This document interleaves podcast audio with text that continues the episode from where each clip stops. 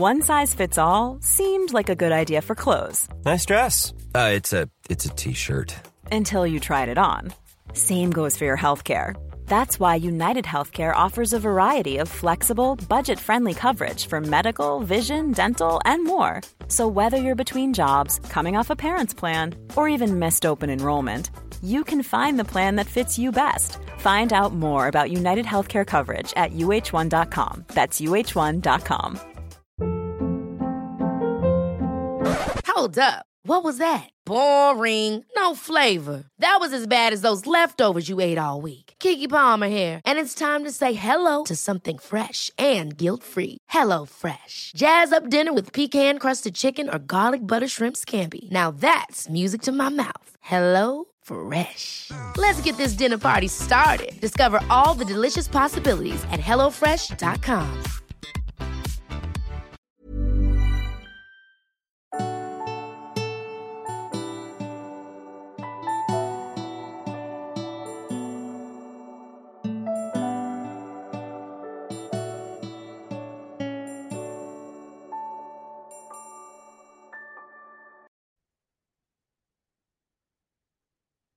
Hej och eh, varmt välkommen till mig. Jag heter sol karina och arbetar som andlig lärare och inspiratör i Sverige. Jag har skrivit mer än 28 böcker om andlighet, reiki, läkande och personlig utveckling. I den här podden som är uppdelad i flera avsnitt kommer du att få lära dig mer om hur jag ser på olika healingmetoder. Vad healing är och vad det är som skiljer healing från reiki ryoho som jag praktiserar. Jag har också Reiki-podden för dig som vill veta mer om just Reiki. Dessutom finns en plattform för alla som lärt sig Reiki i Sverige på min digitala kursgård. Och känner du att du inte har fått en Reiki-utbildning du är nöjd med, då tycker jag du ska höra av dig till mig, för du är varmt välkommen till mitt nätverk. Varje healing och energimetod har sin egen livsåskådning och jag tycker det är viktigt att man förstår skillnaderna för att kunna göra rätt val och kanske bättre val för sig själv. Det är lätt att fastna i sekteristiska förhållningssätt och det skapar ofta inte ett läkande i långa loppet. Personlig utveckling är precis som det låter, en utveckling som är personlig och bara handlar om dig och det är därför det heter personlig utveckling. Du kan inte värdera eller mäta det med någon annan eftersom du på ett personligt plan är den enda som kan se allt som pågår i ditt liv. Ditt personliga jag eh, handlar naturligtvis också om din omvärld och din tolkning och din erfarenhet av omvärlden. När vi utvecklas så innebär det att vi lär oss nya saker eller vi lär oss mer genom att öka vår kunskap. För mig är utveckling ett sätt att expandera medvetandet på och medvetenheten. Världen var ju på ett sätt när du var sju år och på ett annat sätt när du var 15 och på ytterligare ett sätt när du är 25. Du lär dig mer och mer om dig själv och livet för varje år du lever. Vi lär oss saker hela livet. Eh, och om vi använder våra erfarenheter effektivt så blir det en personlig utveckling. Jag tror inte på tidigare liv och återfödelse. Jag har ett annat sätt att se på det som finns i den kosmologi jag förmedlar som jag tycker är väldigt logisk själv då förstås. Eh, och den pratar jag om på de utbildningar jag har så att man ska förstå eh, just det här med att inte fastna i olika fack. Jag tror vi har fått den här chansen att uppleva så mycket och den ska vi ta vara på. Den dagen vi dör så kan vi efterlämna oss erfarenheter som, i, som andra har full frihet att ta del av på det sätt som passar dem. Och det är själens energi som jag brukar prata om. Men det är väldigt intressant att göra en regression och se vilka själsegenskaper som vi faktiskt bär med oss. För de finns som en röd tråd eh, och varje liv som du möter i ditt inre, om du jobbar med regressioner och tidigare liv, kommer att visa vem du är nu och var du befinner dig i ditt liv just nu. Och sommaren 2024 kommer jag att ha en regressionsutbildning i Mellansverige för den som känner att man skulle vilja ta del av just den filosofin. Självkännedom är också som det låter ett sätt att lära känna sig själv, den du är och vara medveten om att du är den enda som kan döma dig själv i livet egentligen. Det du möter kan hjälpa dig att öka din självkännedom i alla situationer som du ställs inför och allt du upplever inom dig. Hur du reagerar genom känslor, tankar och handlingar Eh, är information. För det är information som du kan faktiskt använda för att se och förstå dig själv bättre. Andlighet för mig är hur jag väljer att vila i världen och känna tillit i världen och att jag kan hantera och vara i alla situationer jag möter. Att kunna vila i upplevelsen av världen är andlighet för mig. Därför är varje dag en ny erfarenhet att utforska. Jag vill klara ut flera saker, nämligen att när vi talar om läkande som är det engelska ordet healing, översatt till svenska så är det faktiskt i grunden samma sak. Healing betyder läka. Det som däremot verkar skilja sig åt en del är hur vi uppfattar healingen väldigt olika.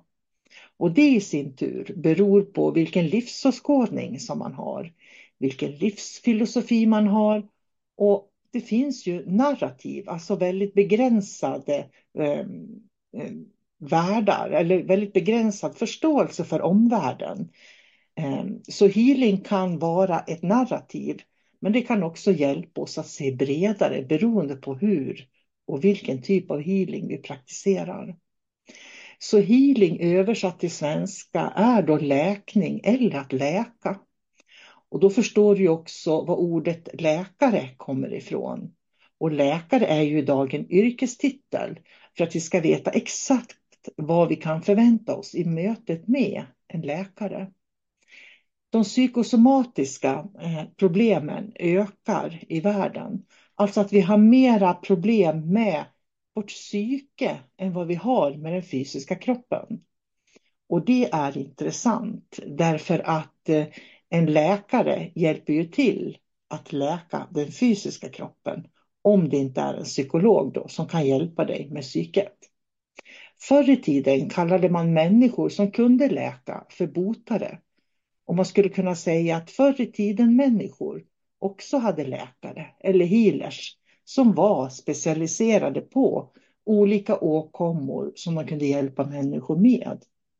En modern läkare är därför en modern botare som ofta är specialiserad inom barn, kvinnosjukdomar, ortopedi, kardiologi och så vidare. Så en läkare är inte bra på alla områden utan har specialistområden som de är bra på. Och på samma vis var det faktiskt förr i tiden med botarna. Då kallades de för kloka gubbar och gummor. Och ofta gick eh, den kloka kunskapen i arv. Och visst dog människor tidigare då på den tiden i olika sjukdomar just för att det inte fanns moderna läkare med den forskning och erfarenhet som vi har idag. Anledningen att jag sällan eller aldrig använder ordet healing är just för att vi har översatt och förstår betydelsen fel, menar jag. Vi förknippar healing med att det ska laga det trasiga inom oss, som en självklarhet. Och det är inte alls säkert att det läker oss på samma sätt eh, som en läkare kan göra. Eh, så att healing är så väldigt mycket. Så att bara säga healing, då måste man, ja men vad omfattar healingen? Var kommer den ifrån?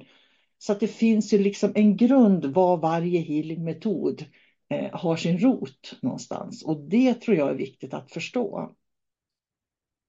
Min gammelmormor var örtkunnig och min mormor talade ofta om det och brukar dela olika minnen med mig från den kunskap som hennes mamma hade.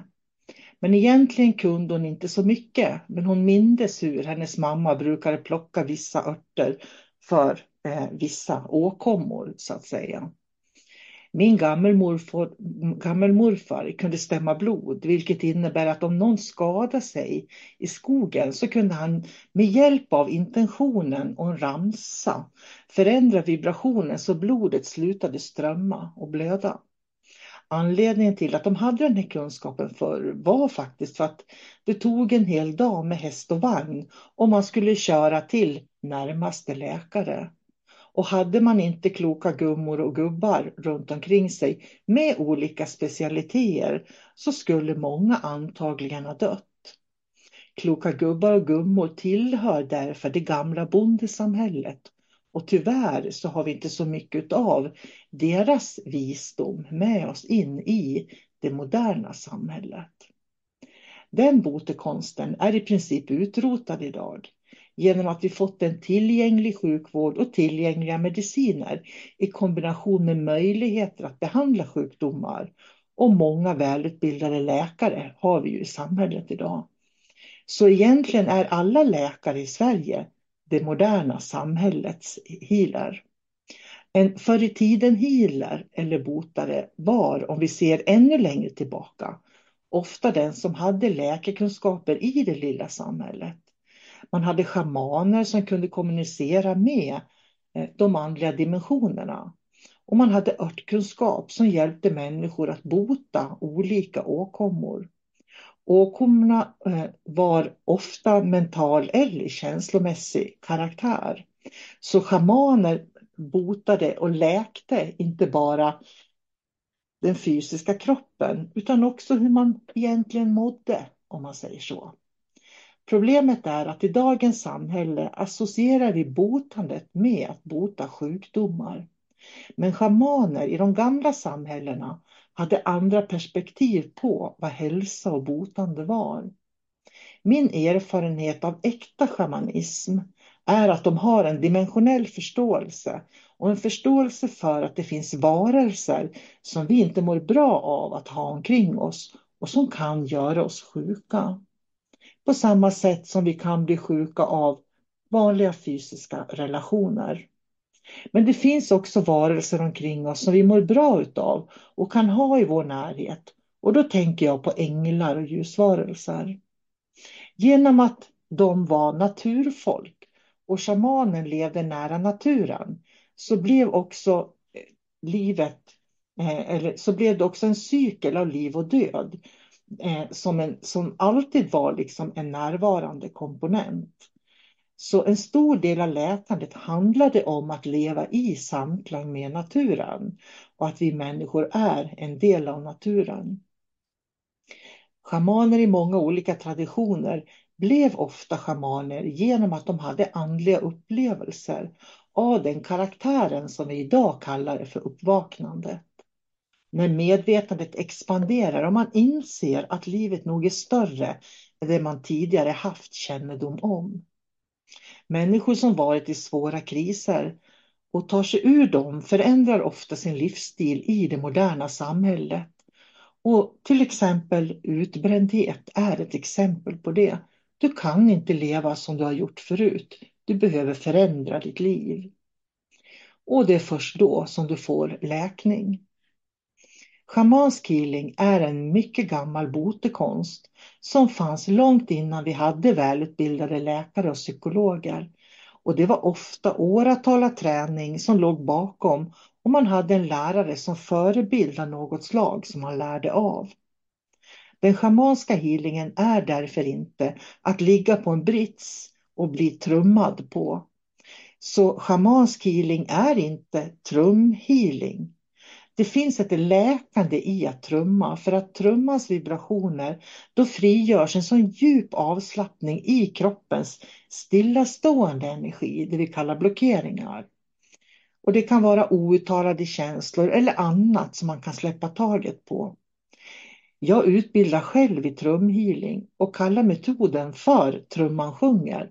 Och jag har skrivit en bok som heter just Trumman sjunger om den här metoden. Så trumma kan vem som helst lära sig, precis som du kan lära dig att spela en gång eller använda klangskålar. Det krävs inga övernaturliga krafter eller flera års praktik för att eh, trumma. Trumman är ett av flera verktyg som en riktig schaman har och en schaman kan vandra i många olika dimensioner och samtala och möta många olika varelser för att hjälpa människor att läka. Du blir därför inte schaman genom att lära dig trumhealing eller monaiki eller gå en helgkurs i shamanism. En schaman ser naturen som besjälad, ungefär som shintoismen som reiki har sitt ursprung ifrån och ser en levande själ i allting. Det är den harmonin schamanen hjälper människor att hitta balans igen inom dem själva då. Därför att eh, allting har en själ och man behöver hitta en harmoni med själen, med de upplevelser man har inom sig och det som finns i den yttre världen. En riktigt bra schaman är därför också en andlig lärare som kan dig, vägleda dig både i livet och i det osynliga livet, i det som jag brukar kalla de dolda dimensionerna. I Sverige och runt om i världen kan man bli schaman på en helgkurs. Eh, vem som helst kan kalla sig schaman, för det är ju ingen yrkestitel. Men det innebär inte att du bär med dig läkandets gåvor. Varje schaman och varje healer behöver hitta sin egen specialitet i läkandet på samma sätt som en läkare hittar sin specialistutbildning på sjukhuset. Trumman, skallran och örter, sånger kan vara ett verktyg för schamanen på samma sätt som stetoskopet är en läkares verktyg eller att man gör provtagning eller baserar en behandling på vetenskapliga erfarenheter. Det kan vara en jordschaman och då är du specialiserad på örter och örtkunskap. En jordschaman jobbar med ceremonier och ritualer. Och ritualer och ceremonier handlar ju väldigt mycket om att upprepa någonting och lägga starka intentioner för att man vill nå ett visst resultat. En himmelsk schaman är mer specialiserad på att dimensionsvandra, byta medvetandenivå, återhämta själsbitar som de själva eller människor förlorat i olika dimensioner. Som om man till exempel tror att man kommer från en utomjordisk civilisation. Då har man en förlorad själsbit som människa och behöver återhämta den. Och det där är en lång historia som jag brukar dra på mina utbildningar. Schamaner och kloka gubbar och gummor har specialinriktningar. Trumman och trumhealing gör ingen till schaman. Men Eh, lika lite som man blir schaman av att spela gång. Men trumma och skallra är verktyg på samma sätt som nålarna är verktyg för en akupunktör eller oljan är ett verktyg för en massör. Men läkning är inte bara att bli frisk från en sjukdom.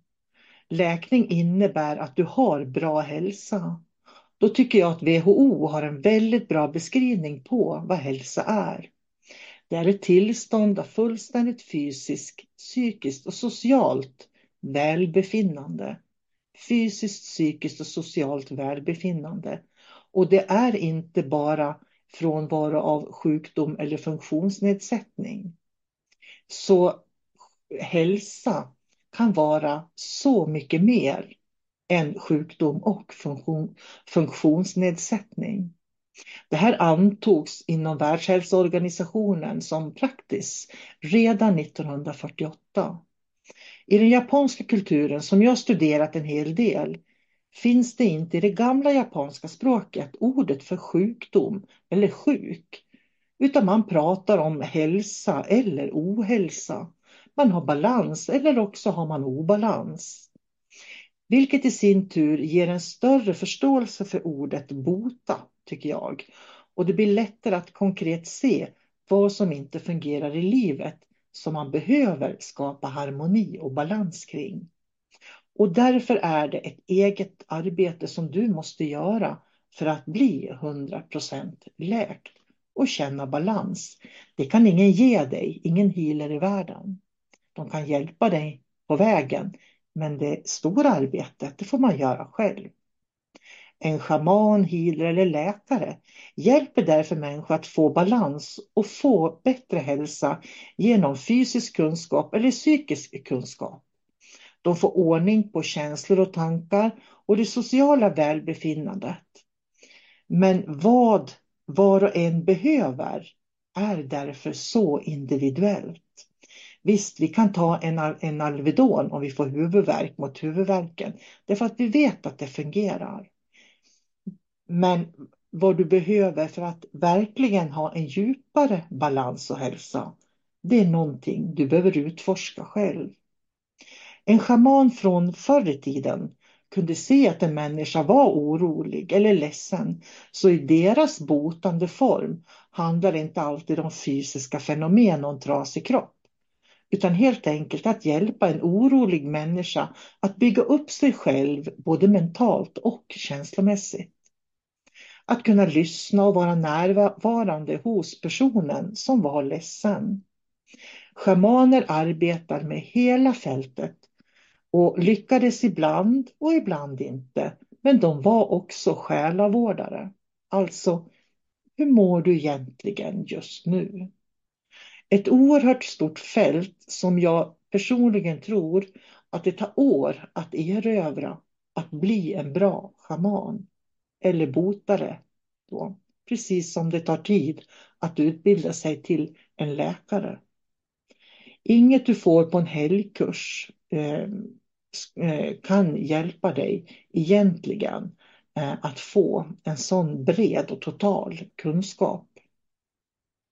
Både förr i tiden schamaner och nutidens vård har ett gemensamt mål och det är att människor ska må bra fysiskt, psykiskt och socialt. Andlig healing som många pratar om idag är en väldigt narrativ healing. Den är väldigt smal och den bygger ofta på, nu pratar jag om andlig healing och spiritualistisk healing, som bygger på att de döda ska bota människor. När man hör talas om mirakel med andlig och spiritualistisk healing så handlar det alltid om människor som blir friska från sjukdomar de har. Andlig healing eller spiritualistisk healing är ingenting jag känner att jag står bakom. Jag tycker att den är sprungen ur en väldigt smal filosofi som bygger på att det finns en andra sida där våra nära och kära finns när de dör.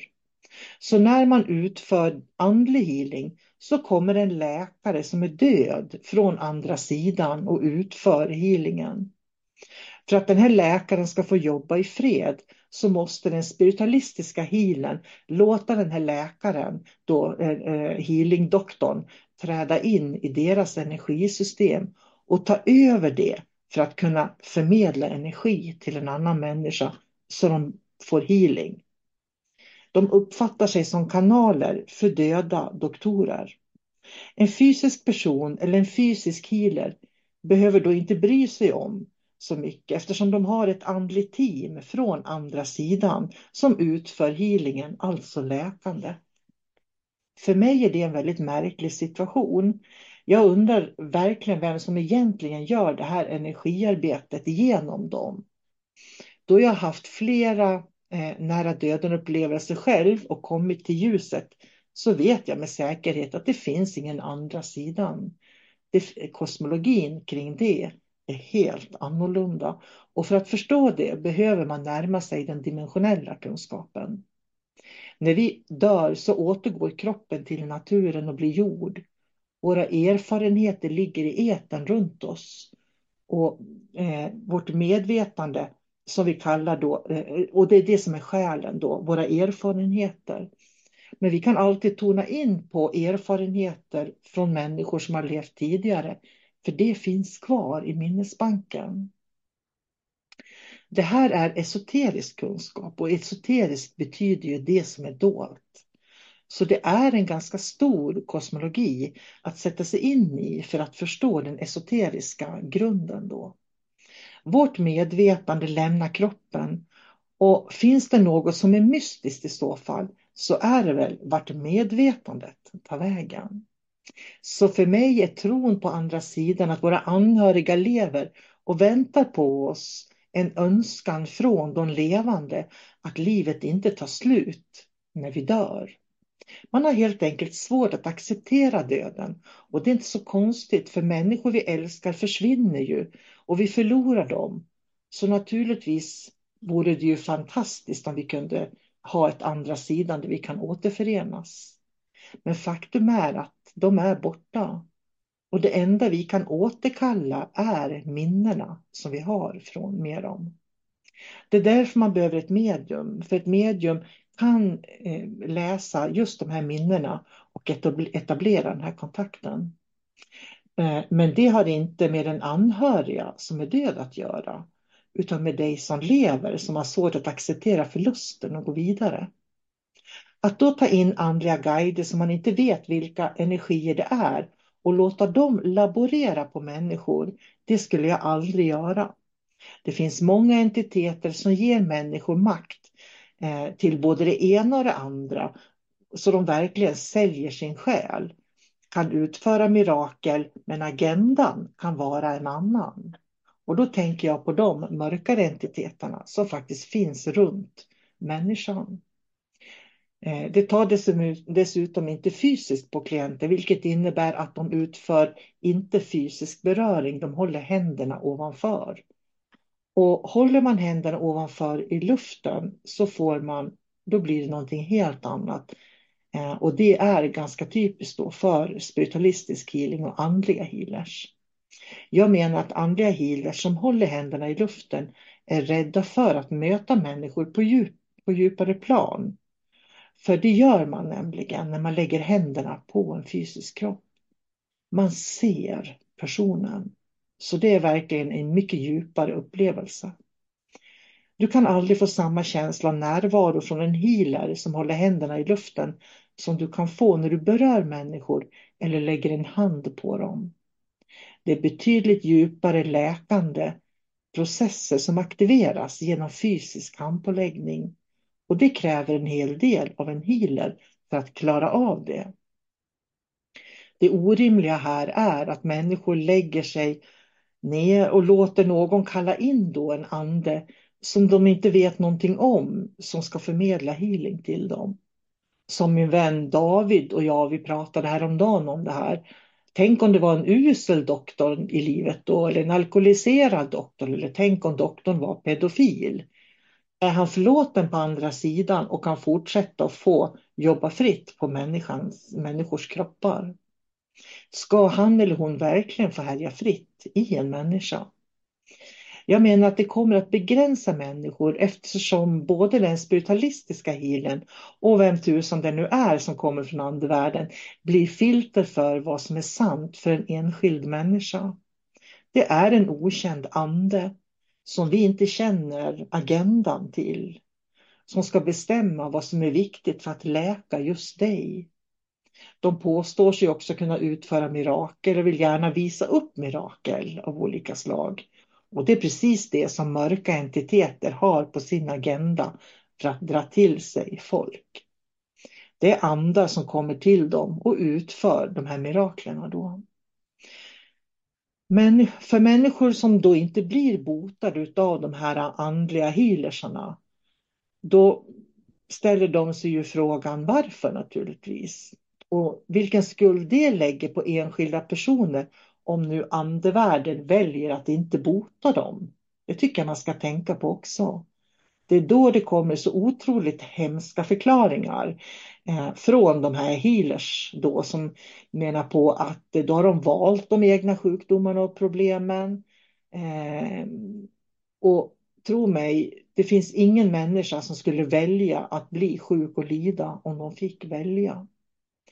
Så det, det är bara hemska bortförklaringar och ursäkter som används av många healers.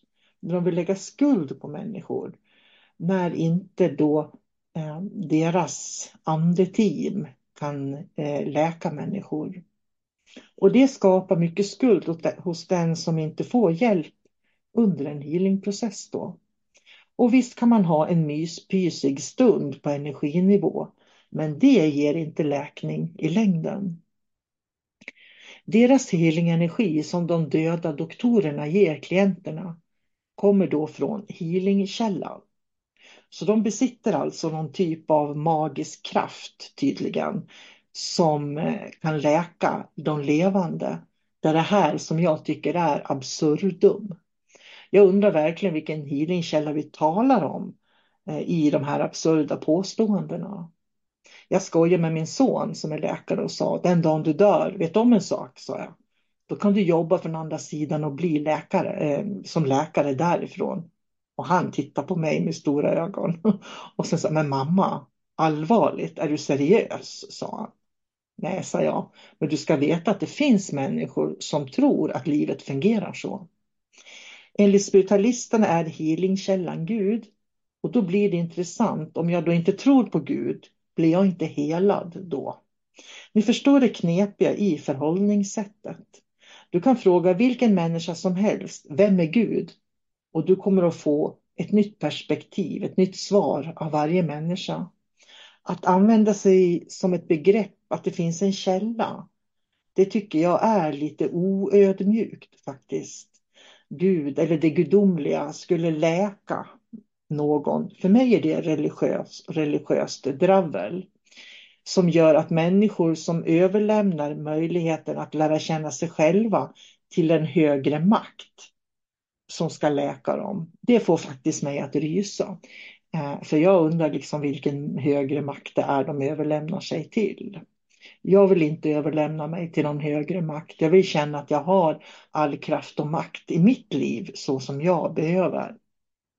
Jag tycker det är allvarligt att man lämnar över sitt eget energisystem till en okänd varelse som kanske varken kan prata eller se utan kallar det för healing team eller healing eh, doktorer. Då. För mig är det en snäv verklighet. Det är helt okej okay att ni håller på med det, men jag tror inte på det där. Det är en snäv verklighet på samma sätt som helbrägdagörelsen var förr, som pågår inom många sekter och små kristna församlingar. Spirituell andlig healing rekommenderar att healern är passiv för att inte lägga sig i den energi som förleds, som leds genom dem och inte styra energin. Och om man är passiv, då kan man verkligen bli övertagen i kroppen. Så att eh, passiv eh, tycker jag är ett väldigt starkt ord. Jag, skulle, jag rekommenderar alltid mina eh, elever att vara aktiva i lyssnandet, utforskandet och studerandet och upplevelsen när de utför de typen av healing som jag står bakom.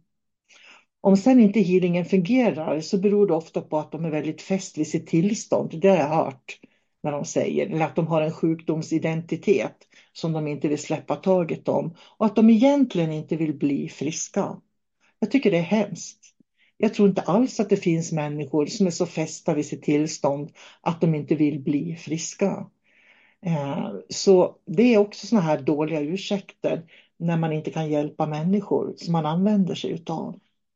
Så då handlar det plötsligt om att spirituella healers ska bota något som är sjukt. Det handlar inte om frånvarande av hälsa som WHO skriver om. Man ska alltså som andlig healer släcka ner sitt eget sinne, helst gå in i djupsömn och låta andar styra en behandling. För mig är det hierarkier och det fråntar människor möjligheten att lära känna sig själva. Då blir det plötsligt en ande som botat dem och då anses det vara ett mirakel. Det som oroar mig ibland är att man blandar olika filosofier och då menar jag att man verkligen inte förstått läkandets grunder. Det finns en hel del bortförklaringar och omständigheter när de inte lyckas då, som jag sa tidigare. Om du arbetar med spiritualistiska healingdoktorer från andra sidan, då kan du inte samtidigt vara schaman eller utföra schamansk healing därför att det är oförenligt med varandra. Då andlig spiritualistisk healing inte ser dimensioner utan bara döda andar. Det, som, det är som att hela tiden äta hallonen på tårtan och tro att eh, man kan liksom plocka eh, förståelsen för läkandet överallt. Men man lär sig aldrig att förstå läkandets djupare principer, vilket jag ser är mycket av det som pågår idag i samhället. Jag började själv med kropps och beröringsterapi när jag startade mitt första företag i slutet på 80-talet. Och utan tvivel är den erfarenhet jag har fått de här senaste åren väldigt viktig. Jag brände ut mig på 80-talet, långt innan ordet ens fanns i människors medvetande. Och säkert har många med mig den erfarenheten. Så eh, läkandets, och, och det jag ville komma till är att har man varit utbränd så behöver man göra en livsstilsförändring faktiskt. Och mycket för att balansera sitt liv och läka handlar ofta om just livsstilsförändringar. När du ska få en healingbehandling och bokar en healingbehandling, då tycker jag det är viktigt att du förstår skillnaden som jag pratar om i den här podden. Vad kan du egentligen förvänta dig? Jag tror också som de moderna läkarna och psykologerna behöver många års utbildning för att kunna utföra sitt yrke så behöver även en alternativ utövare många år för att förstå hur läkandet sker hos personer. Och det är därför jag varje år har regelbundna träffar hela tiden där jag bjuder in mina eh, reiki-elever då. Så att de ska kunna få diskutera sina erfarenheter och jag brukar försöka undervisa dem och lära dem lite nya saker. Jag ser hur man blandar in en tro på tidigare liv i healingbehandlingar och det har ingenting med läkandet eller healing att göra, tycker jag. Det har jag också funderat en del kring, hur spiritualistisk healing och mediumskapet kan använda sig av den här logiken då med tidigare liv. Därför att eh, det spiritualistiska eh, healingen, den, den spiritualistiska healingen skulle jag säga, eh, Eh, där ingår ju inte tidigare liv eftersom vi kommer till andra sidan då när vi dör. Så frågan är, återföds vi från andra sidan eller hur tänker ni egentligen? Så åter blandar man äpplen och päron, för vi kommer till paradiset när vi dör och ändå ska vi återfödas och lära oss saker. Det är så egoistiskt självcentrerat. Och det blandas äpplen och päron. Och då förstår man bättre när man ser det, var den spiritualistiska healingen har sitt ursprung ifrån. Och jag delar inte den uppfattningen nämligen. Därför går andlig healing bort för mig, då det, inte hand, då det innehåller samma fördomsfulla helbrägdagörelse som man utövar i olika religiösa religioner, där lyckan alltid tycks vara en quick fix.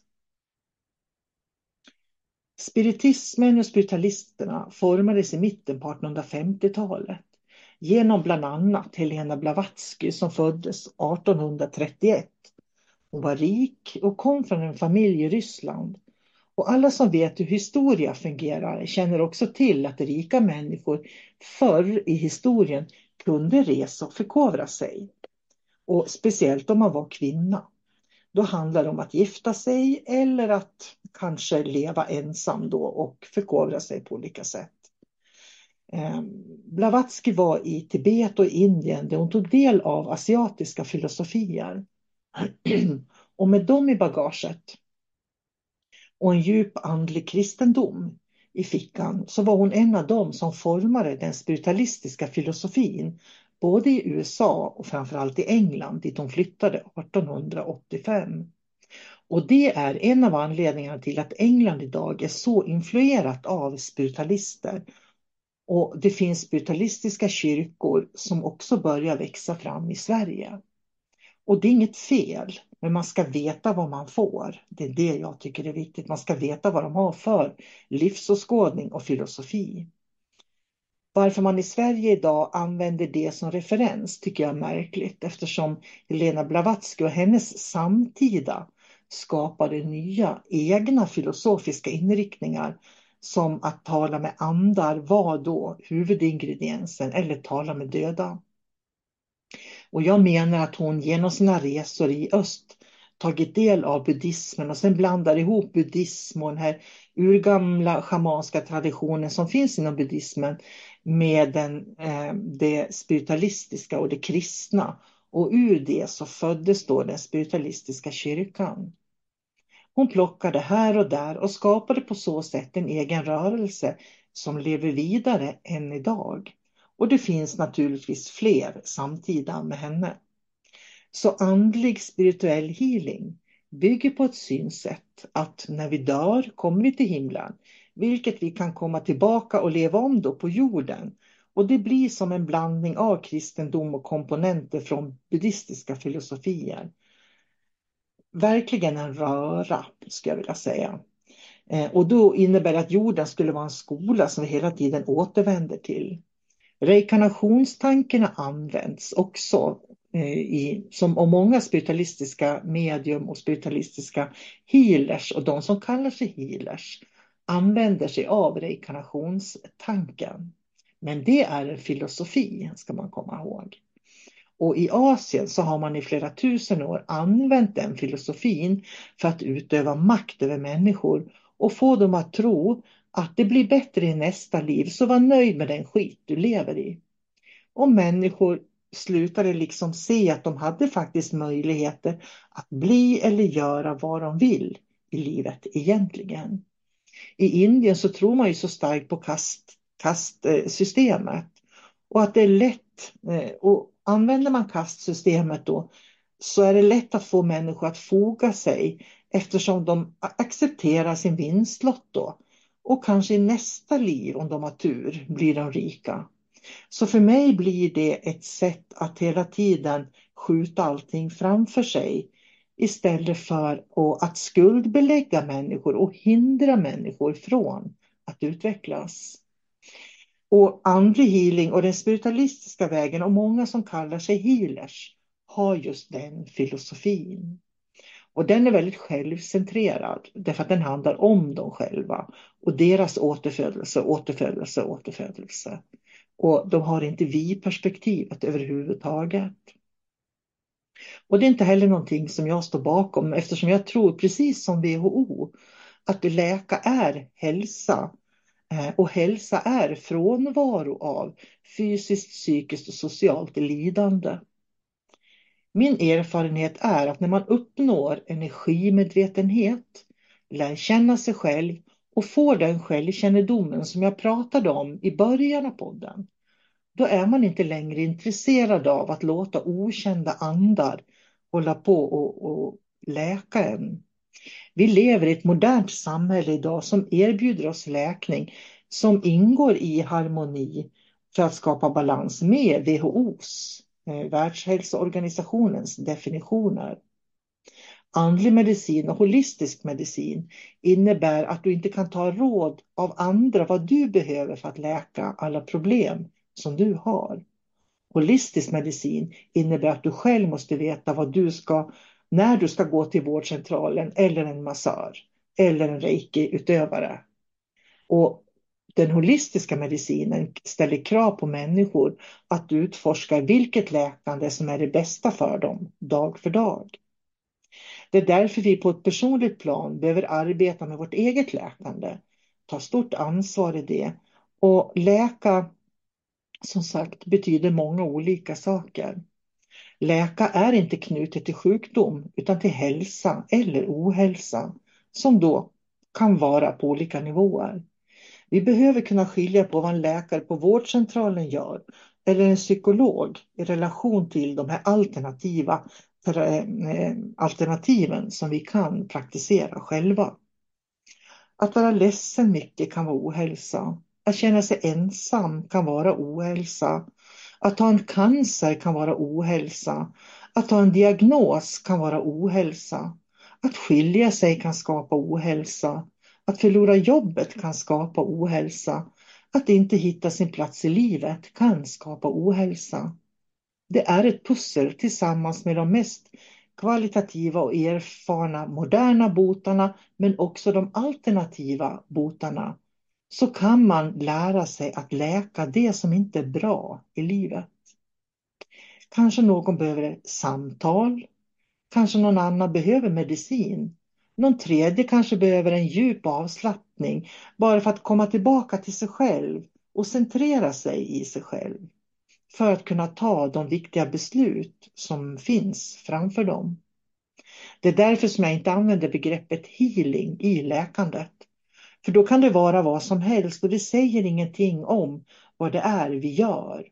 Men när jag talar om vilken metod jag använder i det läkandet jag praktiserar då vet man också hur mitt narrativ ser ut eller hur min livsåskådning ser ut.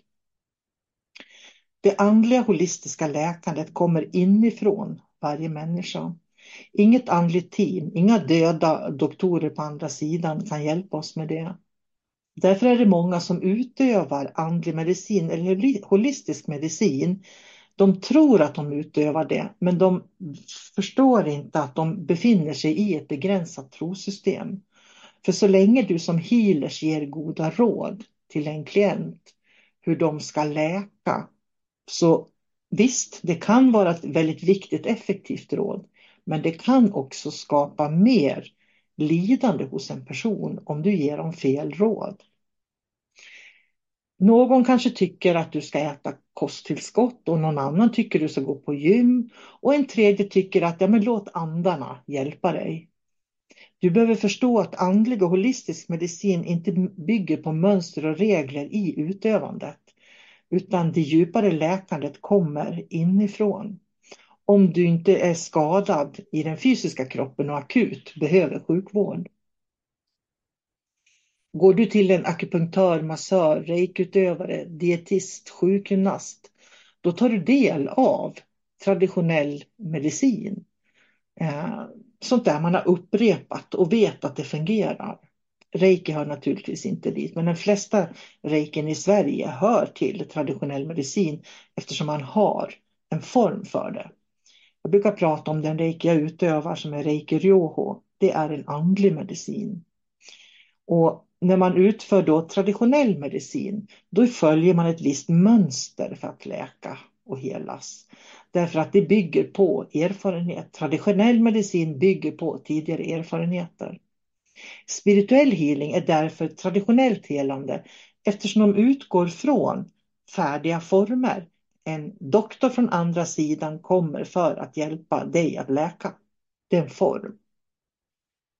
Och, och i all traditionell medicin har man fasta trosystem då hur verkligheten ser ut eller vilken form man ska använda och så vidare. När min dotter var några år gammal då hade hon fått öroninflammation. Hon hade haft det upprepade gånger. Jag hade börjat praktisera reiki och börjat hitta den här schamanska gåvan att dimensionsvandra i, när jag jobbade just med berörings och kroppsterapier. Eh, och jag har skrivit mer om det i min bok Monarki faktiskt och andiska traditioner och shamanism. Men jag satte min dotter i mitt knä, jag började visualisera hennes onda öra och jag klev liksom in i örat och började duscha och städa det onda örat på henne. Efter en stund så sa hon, nu är det bra mamma, sa hon och hoppade upp ur mitt knä. Och då ska du veta att när jag började så hade hon dessutom hög feber och jag kände verkligen att jag vill inte åka en gång till till sjukhuset som får äta penicillin igen. Och, så jag blev ju så glad när hon blev läkt på några minuter bara. Jag blev förstås kaxig och tänkte, ah, det här var ju början på 90-talet. Nästa gång min dotter får öroninflammation tänkte jag, då fixar jag det här lätt som en plätt. För jag visste ju hur jag skulle göra. Nästa gång hon fick öroninflammation så satte jag henne i mitt knä och gjorde samma sak som förra gången. Men ingenting hände. Öroninflammationen var kvar och den höga febern var kvar och vi fick åka till sjukhuset och få penicillin. Men jag ifrågasatte inte varför det inte gick just den här gången. Och jag gjorde inte en massa knepiga antaganden eller ursäkter. Jag accepterade att nu funkar det inte, nu behöver vi en läkare. Det handlar om att hitta eh, det, det, det läkandet man verkligen behöver för ögonblicket. Eh, så det jag lärde mig utav det, det var faktiskt att Eh, det går aldrig att stoppa in läkandet i en form. Utan vi måste vara närvarande, nyfikna, vara med i flödet.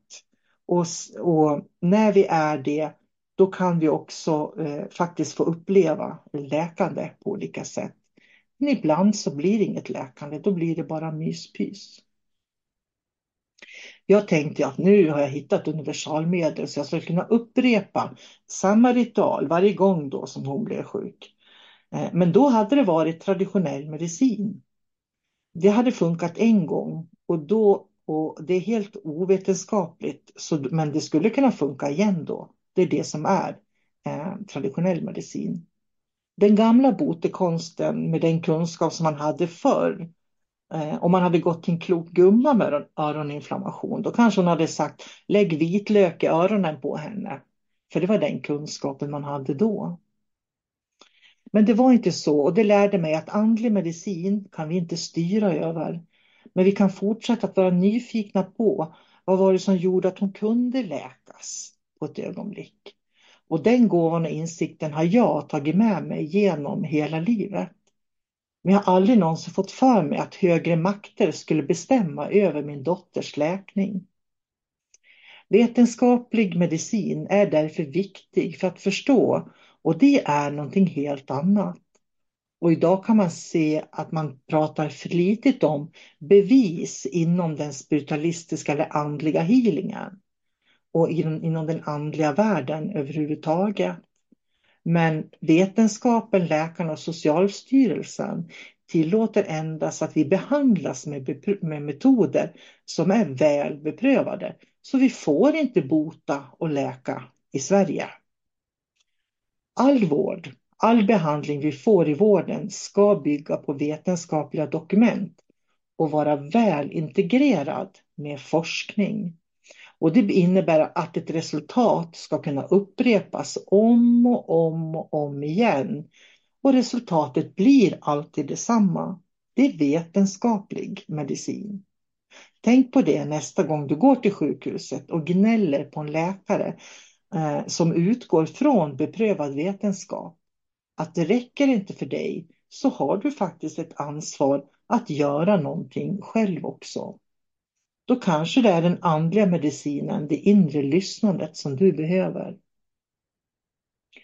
För många år sedan så var det faktiskt en läkare i Sverige som var utbildad spiritualist som kanaliserade andar och pratade med andra sidan.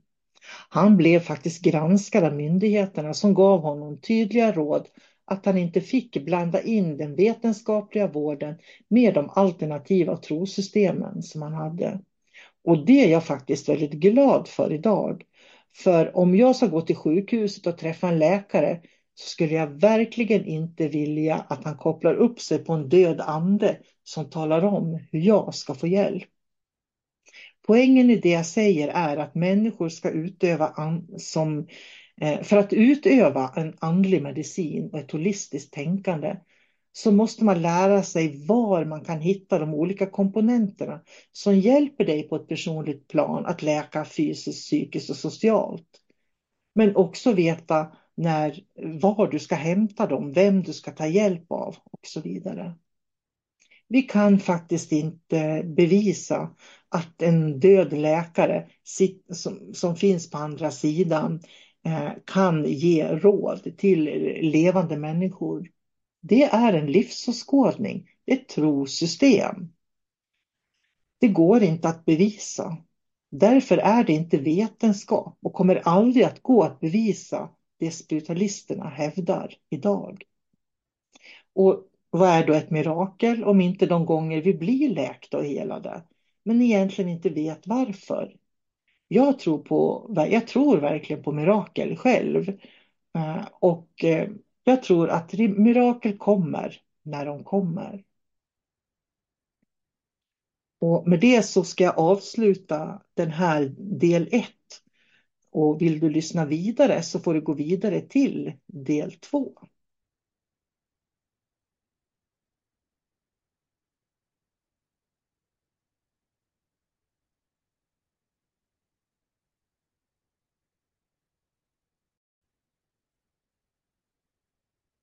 Då fortsätter jag faktiskt med del två nu då utav läkandet och läkekonst och så vidare.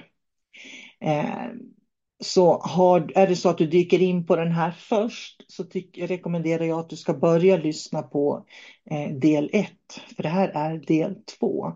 För att få ett större sammanhang då. Läkandet har många nyanser. 1993-94 så arbetade jag en hel del i Blekinge och en dag så ringde min organisatör till mig och frågade mig vad hon skulle göra för att hennes son hade svår astma, men inte så jobbigt att de var tvungna att uppsöka vården. Jag sa till henne att sätta sig bredvid sin son, se på honom och bara känna hur all kärlek hon kände flödade mot honom.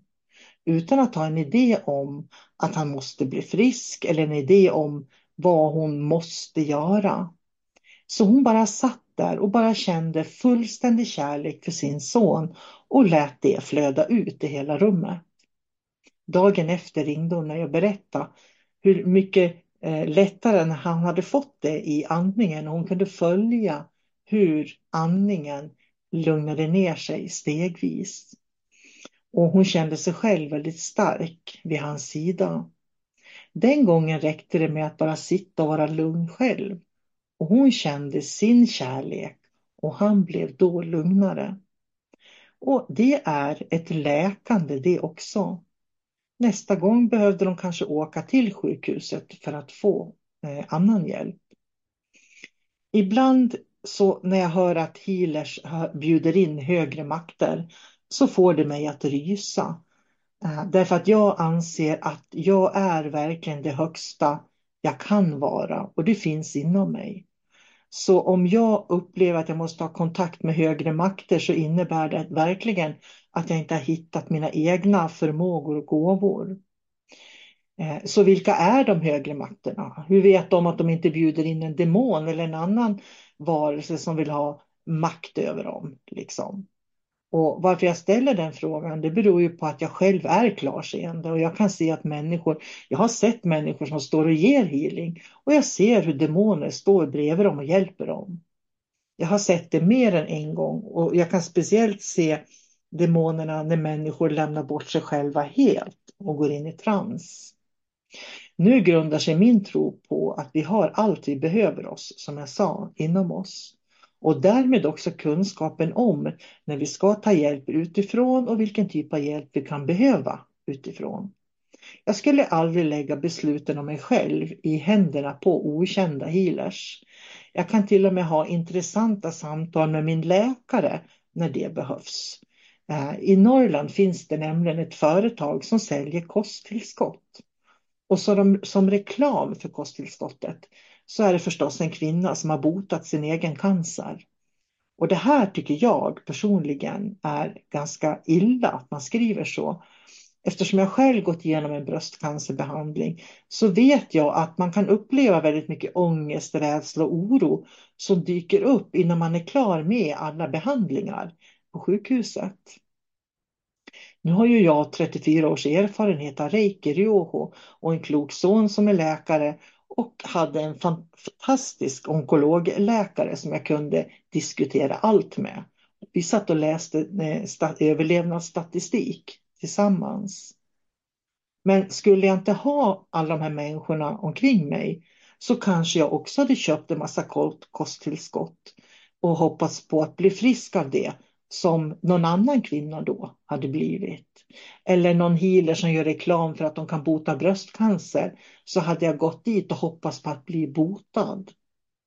Och det är faktiskt viktigt att veta att det finns mer än 250 olika cancersorter var cancern sitter kan vara liksom en, det kan vara så att man inte behöver göra någonting eller att man behöver göra någonting.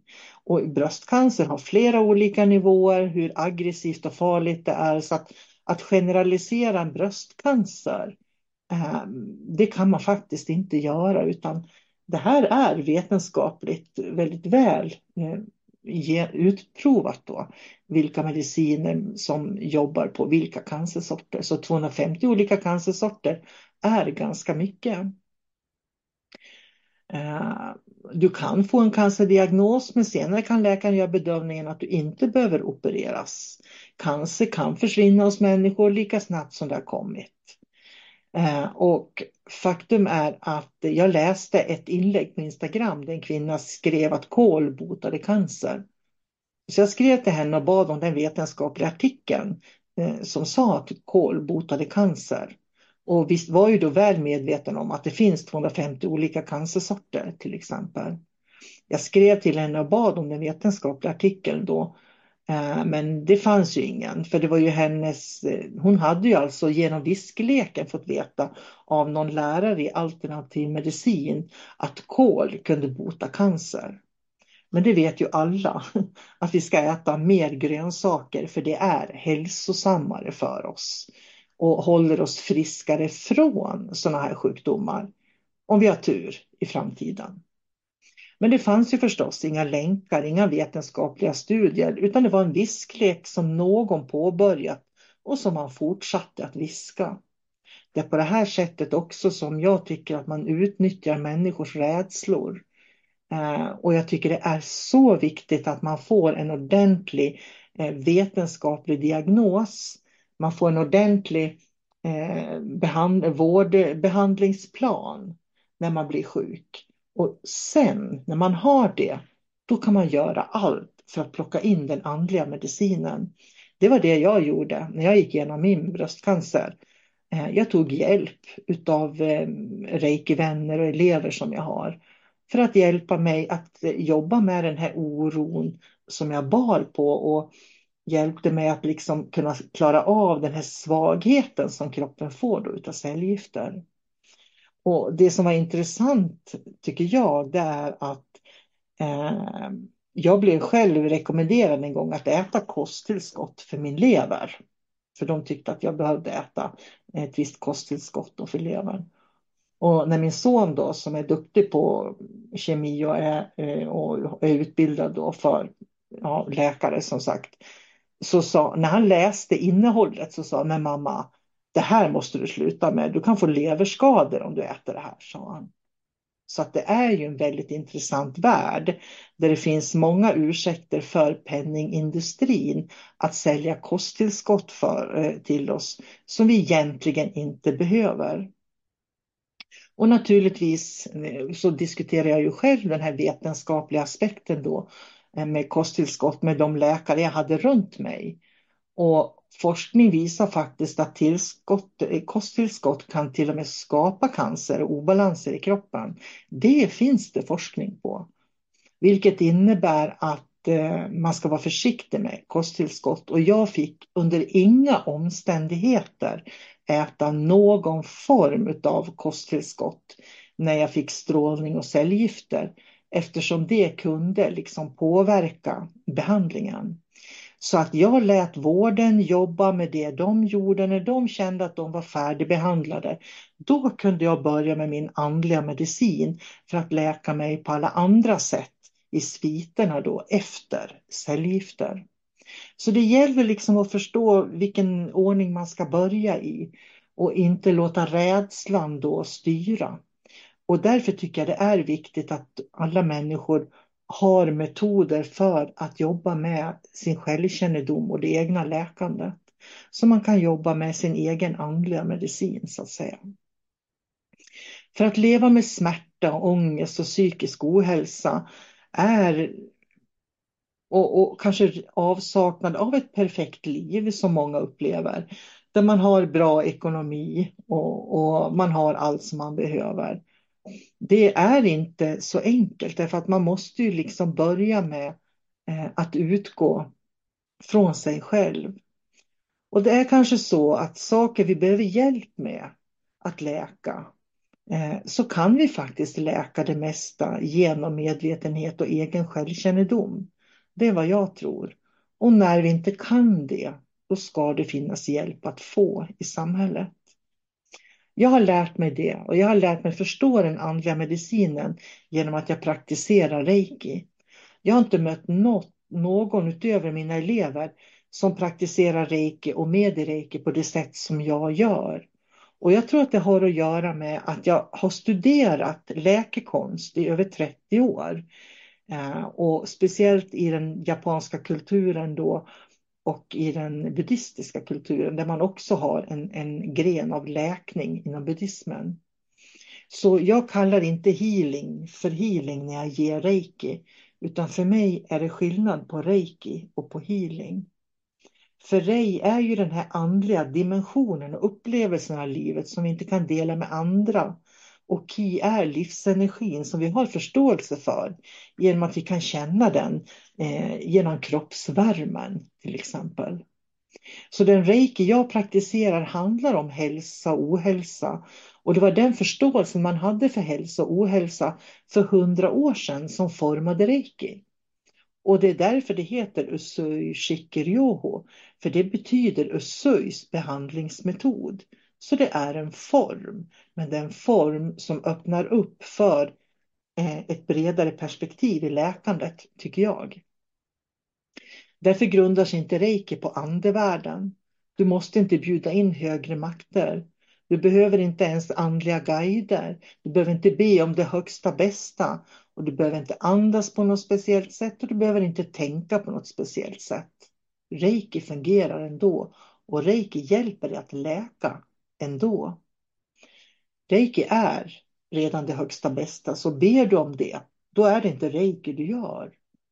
För reiki är redan det flödet. Eh, det är verkligen ett flöde i det yttre, det inre och det djupare aspekterna av dig själv. Så du får allting i reiki. Så jag pratar inte om reiki healing. För reiki är inte healing för mig.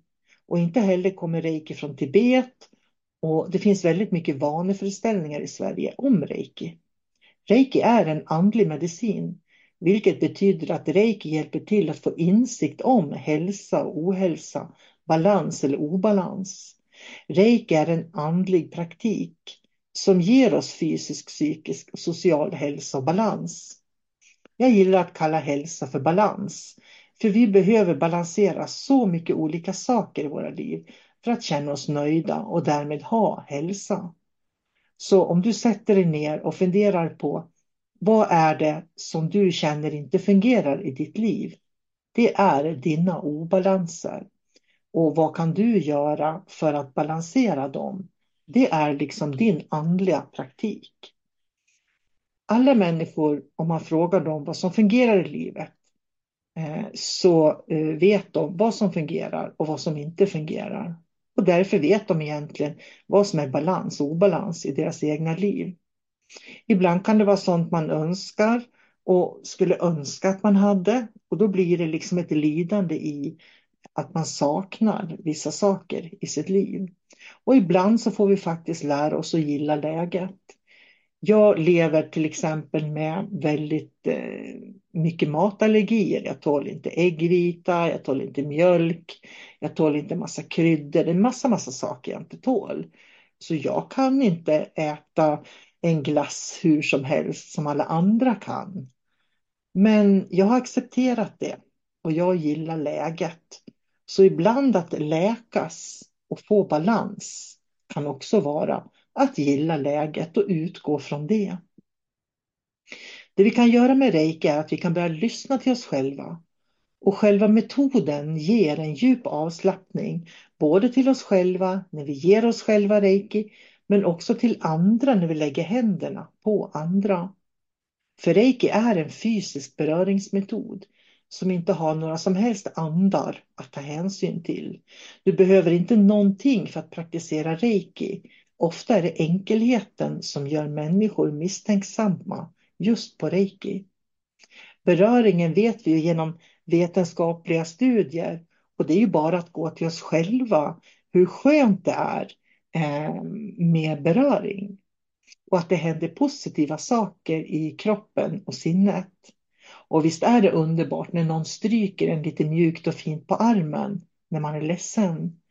Eller lyssnar när vi behöver prata om någonting som är jobbigt. Eller ger oss den där kramen som får oss att ta en djup suck. Eh, skaka hand är ett sätt att beröra människor på. Och vi kan beröra med ord vi använder eller blicken vi ser med. Och vilken värdering vi, vi tyst bär på förmedlar också en beröring. Därför är den fysiska beröringen med händerna och närvaron på beröringens alla olika sätt viktig när jag ger reiki till andra och till mig själv. Jag har utvecklat en metod att praktisera reiki i det moderna samhället som inte har några kontraindikationer och som passar i alla lägen och det är med i reiki.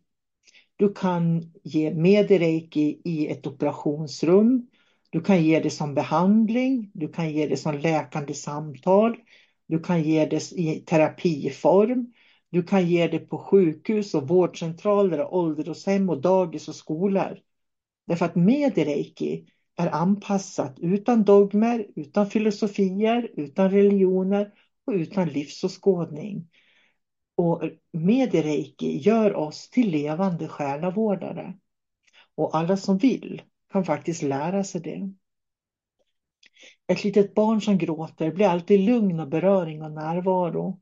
Det finns något djupt och innerligt i beröring som hjälper människor att läka på djupet och öppnar upp för självkännedom. När jag ger mig själv reiki så kan jag reflektera över mitt liv. Jag blir liksom en observatör som både känner och återupplever olika situationer och jag lär mig att se saker för vad de är. Jag blir påmind om vad som påverkar mig i mitt liv. Och detsamma händer med människor som får reiki av mig. Som jag ser det är reiki det enda verktyget för att öppna upp för läkandet och självläkandet utan att stoppa det i en form. Och det är just det vi behöver träna på, att inte stoppa reiki i en form eftersom många gärna vill göra det. Den delen vi inte kan få av att gå till doktorn när vår fysiska kropp är skadad, den kan vi få genom reiki. Reiki är en modern mindfulnessmetod eh, och eh, därför så kan den hjälpa oss att läka eh, inifrån och ut. Men vad baseras då reiki på? Det handlar om balans och obalans på samma sätt som du kan kliva in i ett rum och uppleva obehag för att de bråkat i rummet. Det liksom ligger kvar i rummet.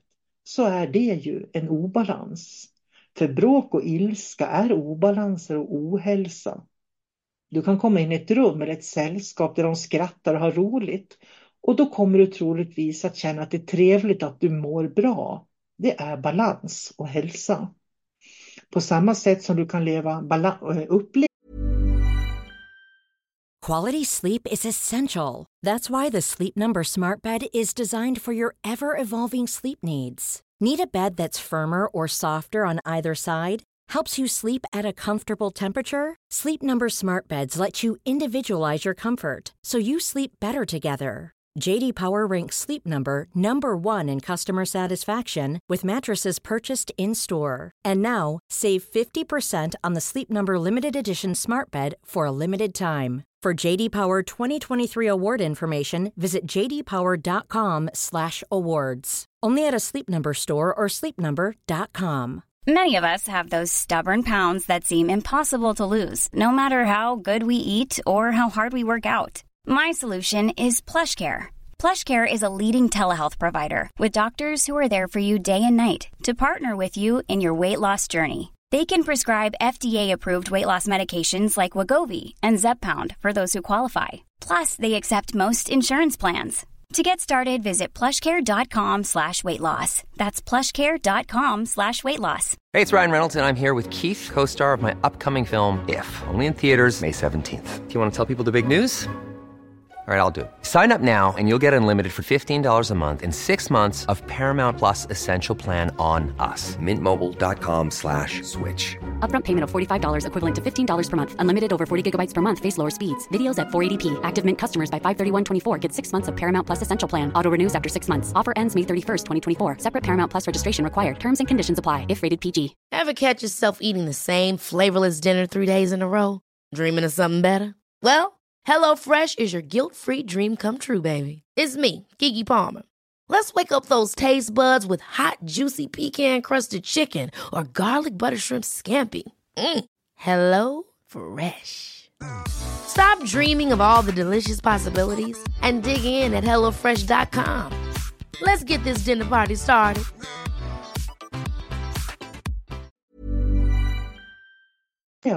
obalans och balans i det yttre kan du genom tankar och känslor inom dig uppleva balans och obalans.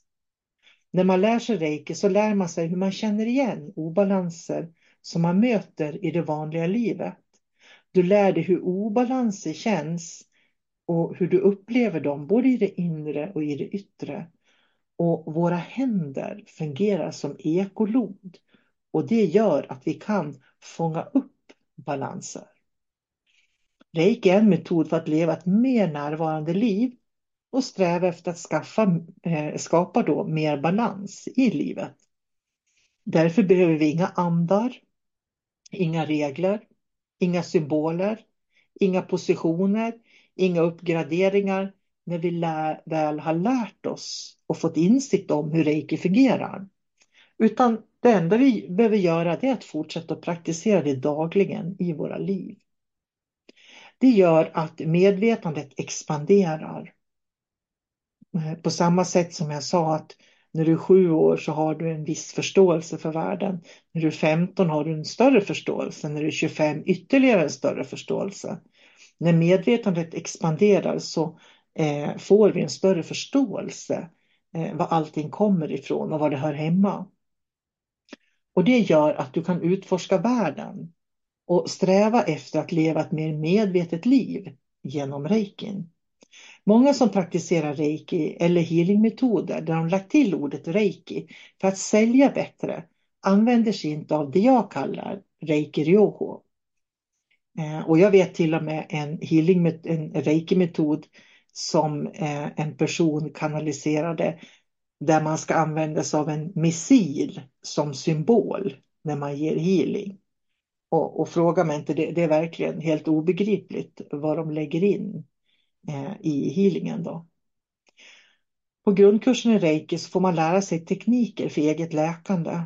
Och på det eh, och du får liksom en förståelse för vad biosen är, vad obalanser är och på ett ungefär hur det kan upplevas då, i ungefär som att du kommer in i ett rum där de har bråkat eller skrattat.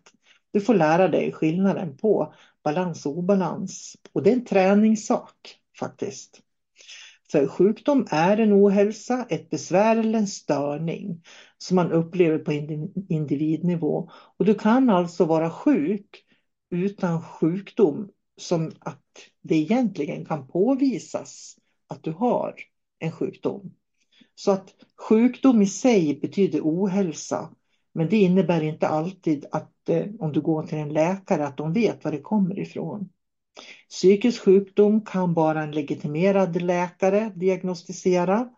Medan psykisk ohälsa är ett samlingsbegrepp för olika symptom som människor upplever det kan vara korta eller långa symptom, men det återkommer i livet och det är en typ av psykisk ohälsa. Och det är många som går Eh, med psykisk ohälsa därför att de liksom inte mår bra rent allmänt. Så psykisk sjukdom det är en sak. Får du en schizofren, schizofrenidiagnos så går det faktiskt att eh, medicinera schizofreni idag.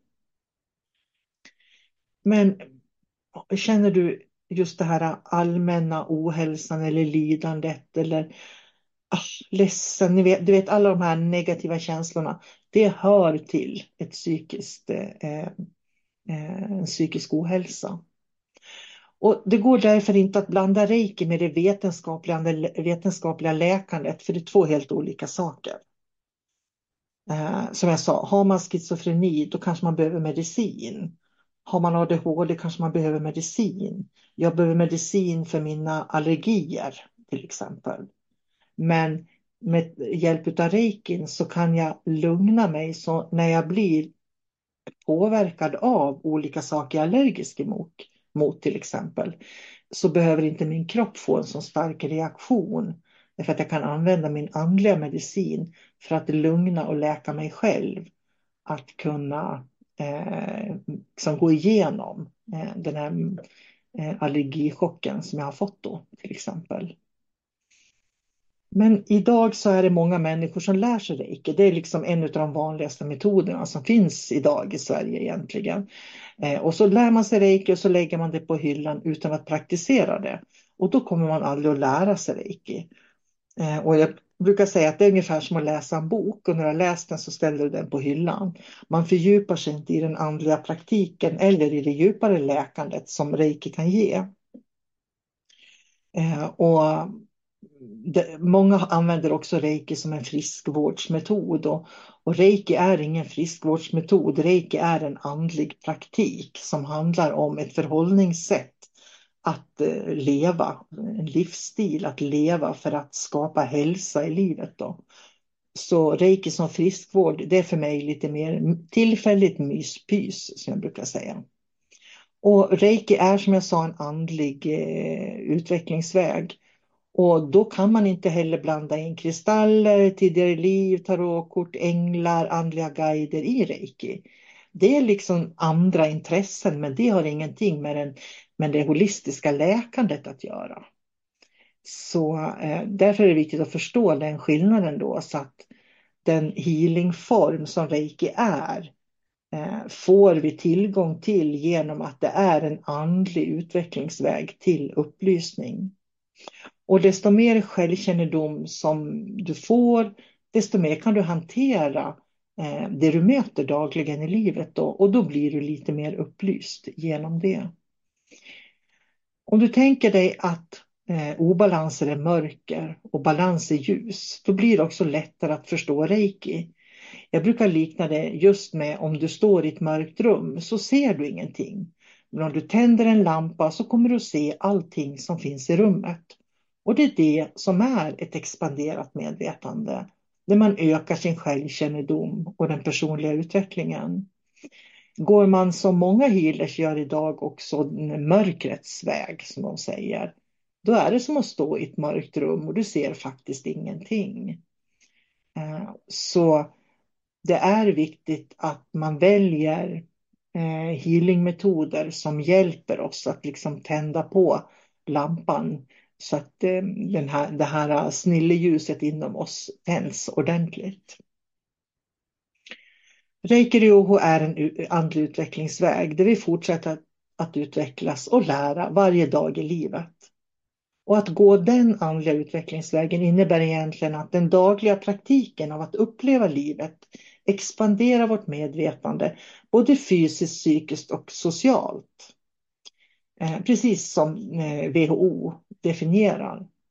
Därför är en, eh, reiki också enkelt att lära sig för den som vill. Därför att du kan liksom eh, du slipper ta en massa mediala goda spådomsråd där ute.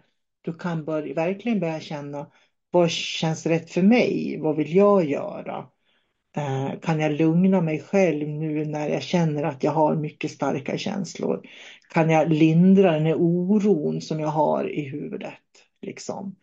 Eh, när, jag, när jag slappnar av och mår bra, mår bra-känslorna kommer igång, eh, då har jag liksom verkligen lyckats balansera den yttre jakten med det inre lugnet. Eh, och det är det man lär sig genom reiki. Ehm, och det finns så mycket berättelser om människor som har praktiserat reiki och hur det har förändrat deras liv. Eh, en kvinna som kom till mig och lärde sig reiki hade haft problem med eksem i 18 år på armarna. Och det var ofta så illa att hon kunde inte vara i vatten med armarna för det skapade en smärta eh, i henne. Då.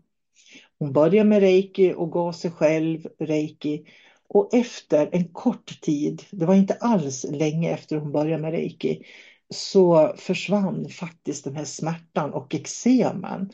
Och hon tyckte förstås det var helt otroligt magiskt eftersom hon hade haft dem i 18 år. Men hon hade också en sambo som led av psykisk ohälsa och han fick ju väldigt mycket reiki av henne.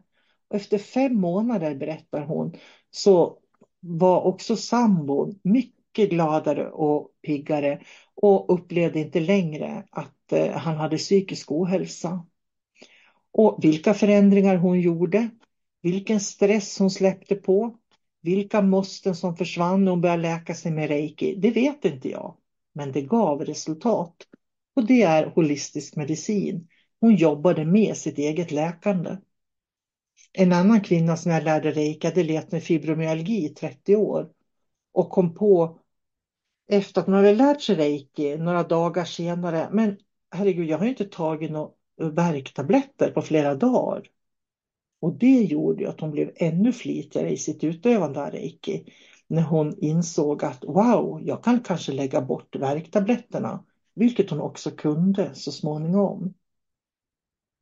För det handlar ju om att hela tiden kunna känna av vad din kropp och ditt psyke behöver och, och följa det och inte köra över sig själv som många människor gör idag. Så reiki är egentligen inte en energimedicin. Man kallar ju ofta reiki för energimedicin. Reiki är inte energimedicin. Eh, utan eh, energimedicinen och den traditionella medicinen då. Traditionell medicin innebär att du kan ta en Alvedon när du får huvudvärk. Du kan gå till en akupunktör som sticker nålar i dig. Du kan, eh, och värken släpper. Du kan gå en massör som stryker och, och masserar dig och du känner liksom att cirkulationen kommer igång. Eh, och energimedicin bygger på energi. Men grejen är den att reiki är inte energimedicin. För reiki är inte energi. Det är ki som är energin i reiki. Men rei är den andliga aspekten. Så reiki är en andlig eh, medicin och en energimedicin. Så det är egentligen både och kan man säga. Eh, men det är inte den energimedicinen som läker med reiki utan det är den andliga praktiken. Eller båda delarna naturligtvis är det ju. Eh, så det är en stor skillnad på andlig spirituell healing och reiki eftersom spirituell healing kräver attribut du tänker på ett visst sätt och gör på ett visst sätt och att du har dina andliga doktorer som ger dig healingen. Det behöver du aldrig tänka på med reiki utan där går du in i, någon, i en naturlig balans och ett naturligt flöde som redan finns i dig och inom dig. Men nu hör det till saken att precis som jag beskrev i början av podden att, eh, eh att jag även tycker att det shamanska läkandet och förståelsen för det shamanska läkandet är intressant. Och det är mycket av den kunskapen som jag utbildar inom genom det dimensionella mediumskapet och de helger jag har och min kontakt då som jag också har med varelser i olika dimensioner. Så det är liksom en helt annan grej. Eh, därför att reiki finns i alla dimensioner. Ska man komma ihåg. Eftersom det är en andlig praktik så finns den i alla dimensioner. Jag utbildar också Nefertiti Kosmisk Healing vars historia är lite annorlunda och magisk. Nefertiti Kosmisk Healing är en healingmetod. Det är en energimetod då den arbetar med frekvenser från varelser i andra dimensioner.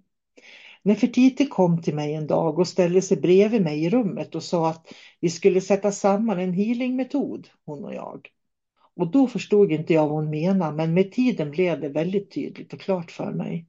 Det är alltså en metod där vi kan bjuda in andliga guider, änglar, gudinnor, upplysta mästare, galaktiska guider. Eh, att vara närvarande med sina vibrationsfrekvenser och det kan påverka oss. Så Nefertiti Kosmisk Healing bygger på ett hierarkiskt system där de olika hierarkierna, de olika dimensionerna har olika kvaliteter och egenskaper. Och de kan man då bjuda in specifikt. Inom Nefertiti Cosmic Healing använder vi oss aldrig eh, själva som kanaler. Så vi kanaliserar inte eh, genom oss själva. För om vi skulle göra det då blir vi ju filter för eh, olika guider då från eh, andra eh, dimensioner. Eh, och då filtreras det genom vårat, e, vår egen erfarenhet och då blir inte healingen lika stark som den blir om de ställer sig i rummet och gör den själv. I Nefertiti Kosmisk Healing får man lära sig att bjuda in guider då, eller änglar, vad man väljer, i rummet. Så man bjuder in dem så de finns i rummet och de utför helandet. För det är de som utför healingen och inte jag som terapeut. När de ställer sig i rummet så förändras vibrationen i rummet och då kan klienten använda den vibrationen för att läka sig själv. Därför att våran kropp kommer alltid, alltid och våra sinnen, alla våra dimensioner och delar som vi är, de kommer alltid att söka läkning. Så vi söker alltid läkning i alla situationer i livet. Ehm, och det är, det, som, som, det är därför vi fungerar som ekolod. Så vi söker oss till situationer, händelser, människor som kan hjälpa oss egentligen att läka. Det, det, finns liksom inom oss, det är inbyggt i oss. Och det är det som händer då när de ställer sig i rummet och vi bjuder in dem. Skillnaden mot spitalistisk healing är ju då att de är kanaler och filter med sina egna kroppar. Men det är inte Nefertiti kosmisk healing utan vi finns med i rummet. Och vi vet vem vi bjuder in i rummet. Och det är ingen tvekan om att det finns dimensioner av varelser som har betydligt högre frekvens mot vad vi människor har på jorden. Och det beror antagligen på att vi har fysiska kroppar, men det har inte de. De har också andra lagar inom fysiken, skulle jag kunna tänka mig. Det är därför inte vi som utför helandet, så jag som healer då, med till kosmisk healing, kan aldrig ta åt mig äran för en behandling. För jag bjuder in dem i rummet eh, och jag vet vem som kommer in i rummet. Och sen låter jag liksom klienten tillsammans med eh, den energivarelse som vi har bjudit in då få läka.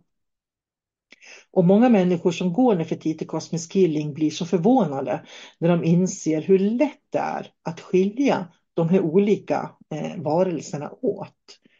Jag kan varmt rekommendera en bok som jag skrivit med David Gran där vi beskriver fas 1, fas 2 och fas 3 varelser som finns i olika dimensioner och vilken agenda de har. Det är otroligt lärorikt.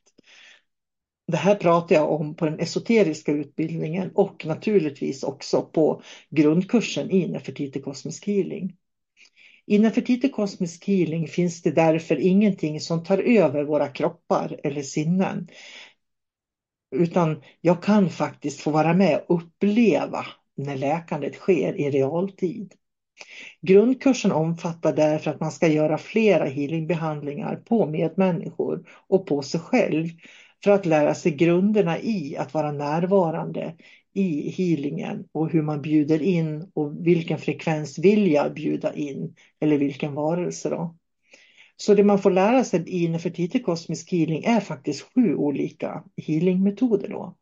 Och det är änglahealing, gudinnehealing, mästarhealing, galaktisk healing, själsåtervinning och healing med själsänglarna. Och sen själva Nefertiti kosmisk healing då som är alla de här olika frekvenserna som kommer i den ordning som man behöver dem då. Eh, och jag ska inte gå in och djupare på det utan det är sånt som eh, man får lära sig under den grundkursen. Då. Och den kör jag alltid via Zoom nu för tiden. Det funkar alldeles utmärkt att lära sig via Zoom. Sen får man hemuppgifter som man gör och så träffas vi igen en månad senare och går igenom dem. Själshealing handlar om att, med, att man har en tydlig intention och ber om det man vill ha hjälp att läka. Personen som har en önskan brukar ofta få insikter om hur de ska gå vidare i den läkning de behöver när de jobbar med själsgrupperna som jag kallar det för. Ibland eh, så bara vet de vad de behöver göra och ibland så får de gilla läget eller kanske upprepa kontakten och energin flera gånger tills de liksom kan känna igen eh, vad det är de behöver göra för att kunna läka. Annars överlåter vi till dem vi bjuder in att förmedla energi i rummet som vi kan stämma av oss med. Eh, och det är verkligen ett annat läkande än reiki eller spiritualistisk healing eller den schamanska healingen som faktiskt är manipulativ. För i schamansk healing så går man in och jobbar och plockar ut och stoppar in. Och det är en form av andlig kirurgi. Vi behöver alltså inte ta in dem i vårt eget energisystem. Ehm, och steg ett eh, handlar om grunderna i att ge Nefertiti kosmisk healing då. Och det som är intressant där tycker jag att steg två och tre handlar faktiskt bara om de egna andliga övningarna, att expandera sin egen medvetenhet och att eh, fortsätta att jobba med de här olika vibrationerna då, eftersom de är vibrationshöjande. Nefertiti kosmisk healing är därför en energimedicin eftersom olika varelser i olika dimensioner har olika frekvenser och du kan lära dig att känna igen dem. Så kursen handlar om hur du bjuder in dem i rummet så de hjälper dig att få insikt om ditt läkande. Till skillnad mot reiki där du lägger händerna på och förmedlar den andliga energin genom att lära dig att känna igen balans och obalans som uttrycker sig på olika sätt inom människor. Det jag lär ut på mina reikikurser det kallas för biosen och översatt kan man säga att biosen hand, eh, betyder egentligen förgiftning eh, och i ett finare ord obalans. Eh, vi kan uppleva olika sensationer när vi lägger händerna fysiskt på människor och jobbar med reiki till exempel. Eh, och det indikerar då beroende på vad vi upplever, vilken typ av obalans det är. Eh, för det finns eh, olika sätt att uppleva obalanser på. Beroende på hur man upplever en obalans så säger det någonting om den, eh, det energiproblemet som finns så att säga. När det är en dålig cirkulation, det är ofta då man uppfattar att det är kyla och kallt. Och när det är inflammationer, då kan det bli rejält hett i händerna. Man kan också uppleva eh, att människor bearbetar fysiska och psykiska trauman genom att man får, det kan bli kramp och värk i händerna. Eh, det pirrar och drar, man kan känna magnetism när det, när det drar mycket reiki. Då, så att det finns en massa olika upplevelser, sensationer man upplever när man, när man ger sig själv och andra reiki som är indikationer på var i eh, eh, balanserandet man är och befinner sig. Sensationerna man upplever indikerar då på obalanser och, och hur man ska liksom hantera dem eller behandla dem eller ja, inte behandla är fel att säga men vi flyttar inte våra händer när vi ger reiki förrän obalansen är balanserad. Och jag har varit med om när jag står och ger reiki. Det är så intressant för att när man jobbar, när man jobbar riktigt djupt och människor verkligen jobbar riktigt djupt med reikin. Då blir mina händer och mina naglar alldeles vita till slut. Och sen börjar det ånga vit rök ifrån händerna. Eh, och det har jag elever som har varit med och fått se också hur det faktiskt ångar vit rök. Och det är bra flöde. Eh, och som jag sa, ljus expandera vår medvetenhet och eh, lär oss att se mer saker. Och reiki är ljus. Det är därför det kan eh, komma ljus så att det liksom ångar ljus, rök ifrån händerna.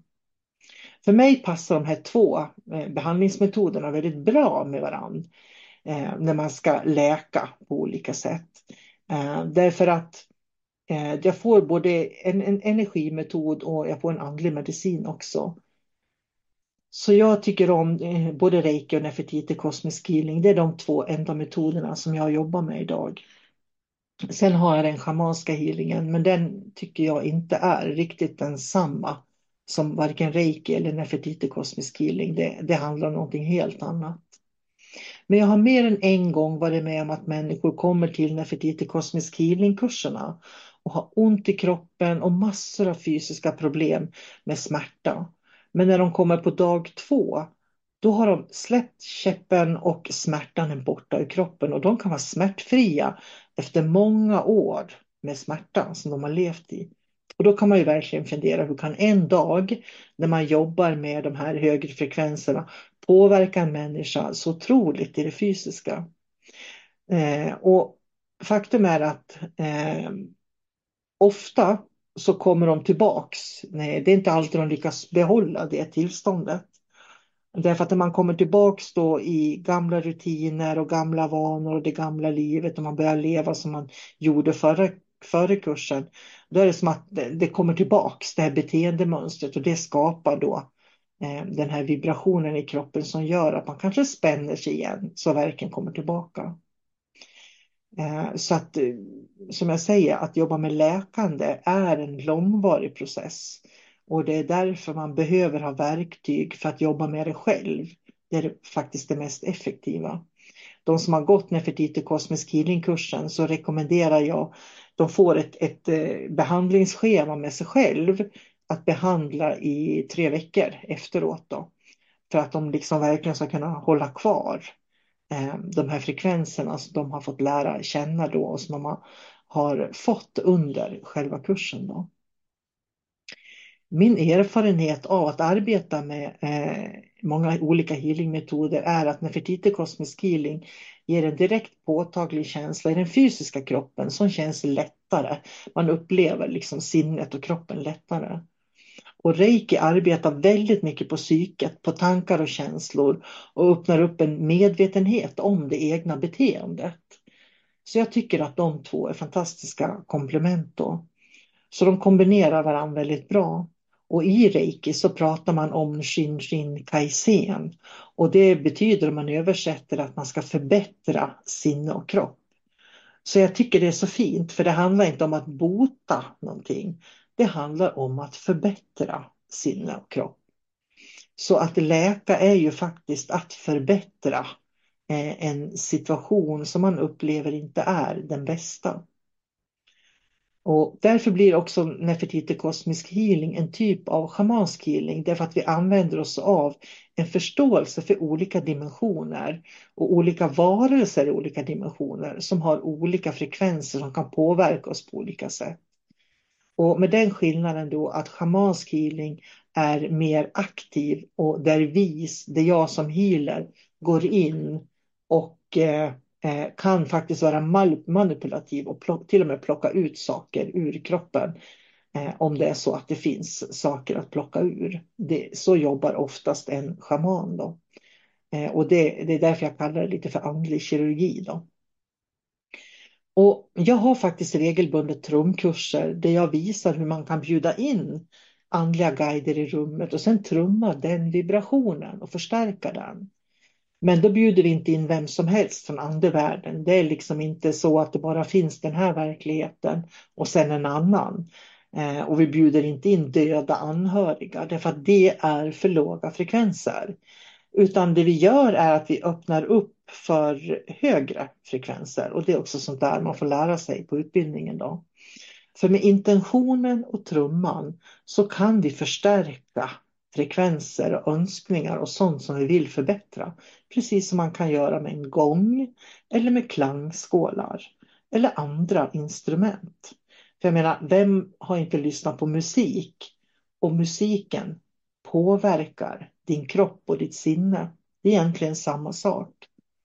Trumman är därför ett bra verktyg för att med hjälp av vibrationer hjälpa till att skapa balans i kropp och sinne. Då. Ehm, våra celler fungerar ju faktiskt som mottagare och sändare av information eller vibrationer. De pratar med varandra, våra celler. Om vi är nedstämda och har ångest eller är rädda eller vi går in i hus som är obehagliga och mörka och, och det finns en tung känsla och en tung energi, då kommer våra celler att ställa om sig på den tyngre vibrationen. Om vi istället ger och omger oss av ljusa positiva tankar Eh, och positiva människor, vi mår bra, vi känner oss balanserade och då kommer våra celler att vibrera med en helt annan densitet. Och därför är det viktigt med den andliga praktiken och vad jag övar på varje dag. För det jag övar på varje dag, det kommer jag att bli bra på också. Så vilken healingmetod, vilken bakgrund den har, vilket trosystem, vilken filosofi, vilket rätt eller fel, vilka värderingar som vi tror på kommer att påverka den vibration och den kommunikation som vi bjuder in våra celler till. Och Det är därför som det okända på tv och spökjakt och alla de här eh, introducerar, menar jag, människor till lägre frekvenser. Det är ingenting som vi egentligen behöver i våra liv. Jag tror inte att jag skulle... Eh, eh, att jag... Ska vi se vad det var jag tänkte säga. Jo, att jag har själv mediterat på ljus i över 30 år dagligen. Och jag kan verkligen eh, liksom skriva upp på att ljus synliggör, ljus hjälper oss att förstå, eh, ljus ger oss lugn. Och jag brukar säga att ljuset ger oss värme, ljus, kärlek, gemenskap, tillhörighet, vänskap och en massa vackra livsupplevelser. som vi upplever när vi har hälsa, kunskap och balans i våra liv. Och mörker är när vi människor upplever förvirring och kaos och hot och rädslor och angrepp och manipulation och splittring. Och det bidrar till att vi känner oss ensamma, isolerade och rädda. Det är ohälsa, okunskap och obalans. Reiki blev eh, min introduktion till Reiker, Reiki som jag eh, berättat en hel del om nu då. Och att förstå att det är, finns också en väg till andlig upplysning och vad andlig upplysning är. Och det är ett arbete vi kommer att jobba med så länge vi lever. Eh, den andliga upplysningen eller den personliga utvecklingen. För varje gång jag ger mig själv reiki så drar jag ner mer och mer ljus och det hjälper mig att se mer och mer av verkligheten. Ett transmedium och transmediumskap skulle jag aldrig utsätta mig för. För om man jagat spöken och gör en massa utredningar och pratar med döda som ska läka alla problem, då menar jag att man har en väldigt låg frekvens och den låga frekvensen vibrerar då i våra celler. Eh, eftersom medvetandet inte kan expandera av låga frekvenser så blir världsbilden väldigt liten. Jag kan tydligt se när jag tittar på transmedium, när de går in i transmediumskapet och när de kanaliserar, hur den mänskliga frekvensen sjunker och de får en tyngre vibration. Det kan man se fysiskt med ögonen. Men människor tycker oftast att det är så häftigt därför att de får ju uppleva saker och Visst, det är häftigt, men det kanske är fortfarande väldigt lite kunskap som de har. Jag skulle aldrig utsätta min kropp för att gå in i trans och jag har jobbat med kanaliseringar. Jag vet hur det känns att gå in i trans. Jag har varit med om det. Jag har gjort det i början av min karriär för över 30 år sedan och jag kände bara direkt att det var fel. Eh, och på den esoteriska utbildningen, när de får lära sig kanalisering, så får de lära sig skillnaden på att inte gå in i trans, i trans som många kanaliserare kan göra, utan vara i närvaro och medvetenhet samtidigt som de kanaliserar och förmedlar information. Och det kan man med healing och läkande också. Då. Vår fysiska kropp eh, behöver ju olika saker för att må bra. Vår fysiska kropp behöver rörelse och bra mat och god sömn. Och många idag de sover för dåligt, de har mycket psykisk påfrestning, de tillåter yttre stress att liksom stressa dem inifrån. Så att de, de har påfrestningar både mentalt och, och känslomässigt. Och Shinshin Kaizen handlar om att förbättra sinnet. För när man förbättrar sinnet, då kan kroppen också läka. Sinnet är ju våra känslor och tankar. Och våra känslor och tankar är ju våra erfarenheter och hur vi ser på de erfarenheter vi har. När vi sover och när vi sover i vår djupaste sömn, då läker också våra kroppar. Och därför är det ett sånt djupt avslappnat tillstånd vi inte har några begränsningar, där vi har tillgång till Eh, en otrolig kunskap inom oss själva. Och när jag ger reiki så kan jag se att människor de kan somna in och de somnar så djupt så att de är verkligen långt, långt, långt borta. Och när de somnar in så djupt, för man kan komma in i den här läkande sömnen när man får reiki. Då känner jag, det är då mina händer börjar ryka det är då som det verkligen, jag kan känna de här sensationerna och hur reikin i sig jobbar på en väldigt, väldigt djup nivå. Sen, bara efter en liten stund, så andas de till och så kommer de tillbaka. Och sen är reikin oftast klar. Eh, och jag tycker det är så spännande för att när vi ger reiki så gör vi ju aldrig det för att bota någonting. Vi gör det vi ger reiki för att vi ska liksom komma ner i ett avslappnat tillstånd. Så reiki är den absolut bästa avslappningen man kan få. Och en del de somnar djupt och när vi somnar djupt då får vi också vila. Eh, många människor som jag möter, eh, de, de, kan somna när de får reiki också, fast ytligt, alltså somna ytligt. Det är någonting helt annat. Och när man somnar ytligt och man liksom flackar med, med blick eller med ögonen, ögonlocken rör sig och sådär, det, det är att sova ytligt, det är inte att läka djupt. Eh, då eh, passar oftast kroppen på och sinnena på att vila. Och det har ingenting med den här djupare läkningen som jag pratade om som, som vi gör under sömnen när vi sover på natten. Eller som vi eh, kan uppleva om vi får en bra reiki till exempel. Utan det här är lättare att vi somnar och vaknar och somnar och vaknar. Många människor går på överkapacitet och använder sin energi fel. Och när man använder sin energi fel, då sliter man ut sitt energisystem. Man sliter ut den fysiska kroppen, man sliter ut sig mentalt och man sliter ut sig eh, känslomässigt. Och det kan man tydligt se när man ger reiki till människor. Att det, det ligger liksom en eh, ovanpå stress och dallrar på dem. Och framförallt kan man se det på eh, till exempel i ansiktet då, på eh, ögonen som rör sig. Eh, och det är stress, det är ingen vila, ingen djupare läkning i det.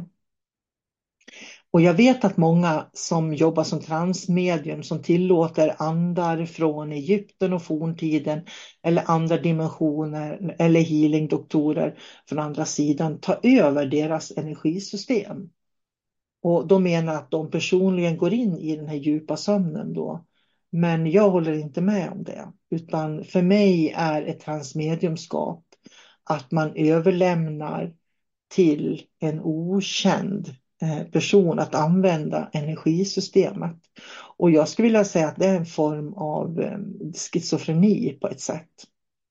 Så det är en förklaring som jag inte stödjer.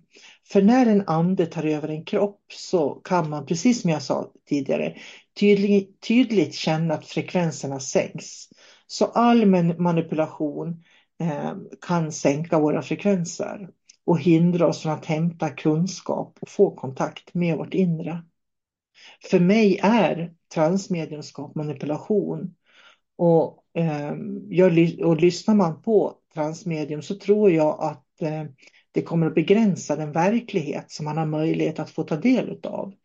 Jag är ju mer inne på, den, på mystikerns väg och i mystikerns väg eh, Eh, där behöver man inga andar för att utforska verkligheten utan vi har den kunskapen och bär den kunskapen med oss inom oss. Så min slutsats då, de som upplever ett läkande när de går till transmedium eller ett andligt, eh, sån här andlig healing då, skulle faktiskt kunna få uppleva betydligt högre frekvenser i kroppen genom att välja metoder som ger dem ett bredare perspektiv. Varje gång vi överlämnar oss själva till en ande så förlorar vi också kontroll över vår kropp och riskerar att få väldigt låga frekvenser. Jag utbildar själv i en hel del healing energimetoder och en av alla metoder som jag utbildar i är just ljuskursen där människor får lära sig hur de hämtar det inre ljuset inom sig själva. Och det är superintressant, för det är inga problem att göra healing med, heal med ljuskursen. Eh, när de, de får eh, under flera månader öva på att få kontakt med sin egen inre ljusvarelse. Och den inre ljusvarelsen är ju deras sanna jag. Och den inre ljusvarelsen är ju den som har kontakt med allt, allt, allt, allt, allt i hela kosmos. Så går du mystikerns väg, du får kontakt med din inre ljusvarelse, då är det bara att fortsätta din andliga praktik och utforska den otroligt stora verkligheten som vi lever i. Eh, och då har man ingen större nytta av andar på andra sidan, för de har inte den kontakten. När vi tar kontakt med vår inre ljusvarelse så händer fenomenet att människor som befinner sig i rummet kan stämma av sin egen inre ljusvarelse som då aktiveras. Så ska vi ta healing av upplysta varelser så är det just av ljusvarelser och inte av de här kännande varelserna som eh, finns då i den eh, andliga healingen. Vi bär därför faktiskt upplysningen inom oss. Allt vi behöver finns inom oss som man brukar säga ibland. Och man kan dagligen öva på att använda oss av eh, upplysningens ljus som finns i vårt innersta genom den dagliga praktiken. Jag använder mig ofta av den tekniken när jag möter människor. Eh, jag känner min egen ljusvarelse inom mig och när jag känner den då utstrålar jag ju den vibrationen som gör att människor jag möter kan få kontakt med sin egen ljusvarelse. Så jag behöver inte göra någonting annat än vara den jag är egentligen. Och det här är verkligen en intressant praktik.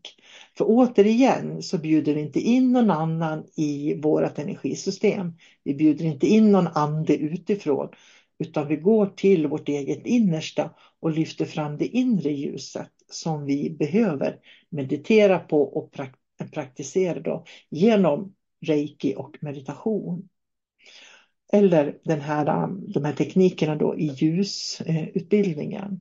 Och jag kommer faktiskt att hålla en ljusutbildning på två platser i Sverige nästa sommar.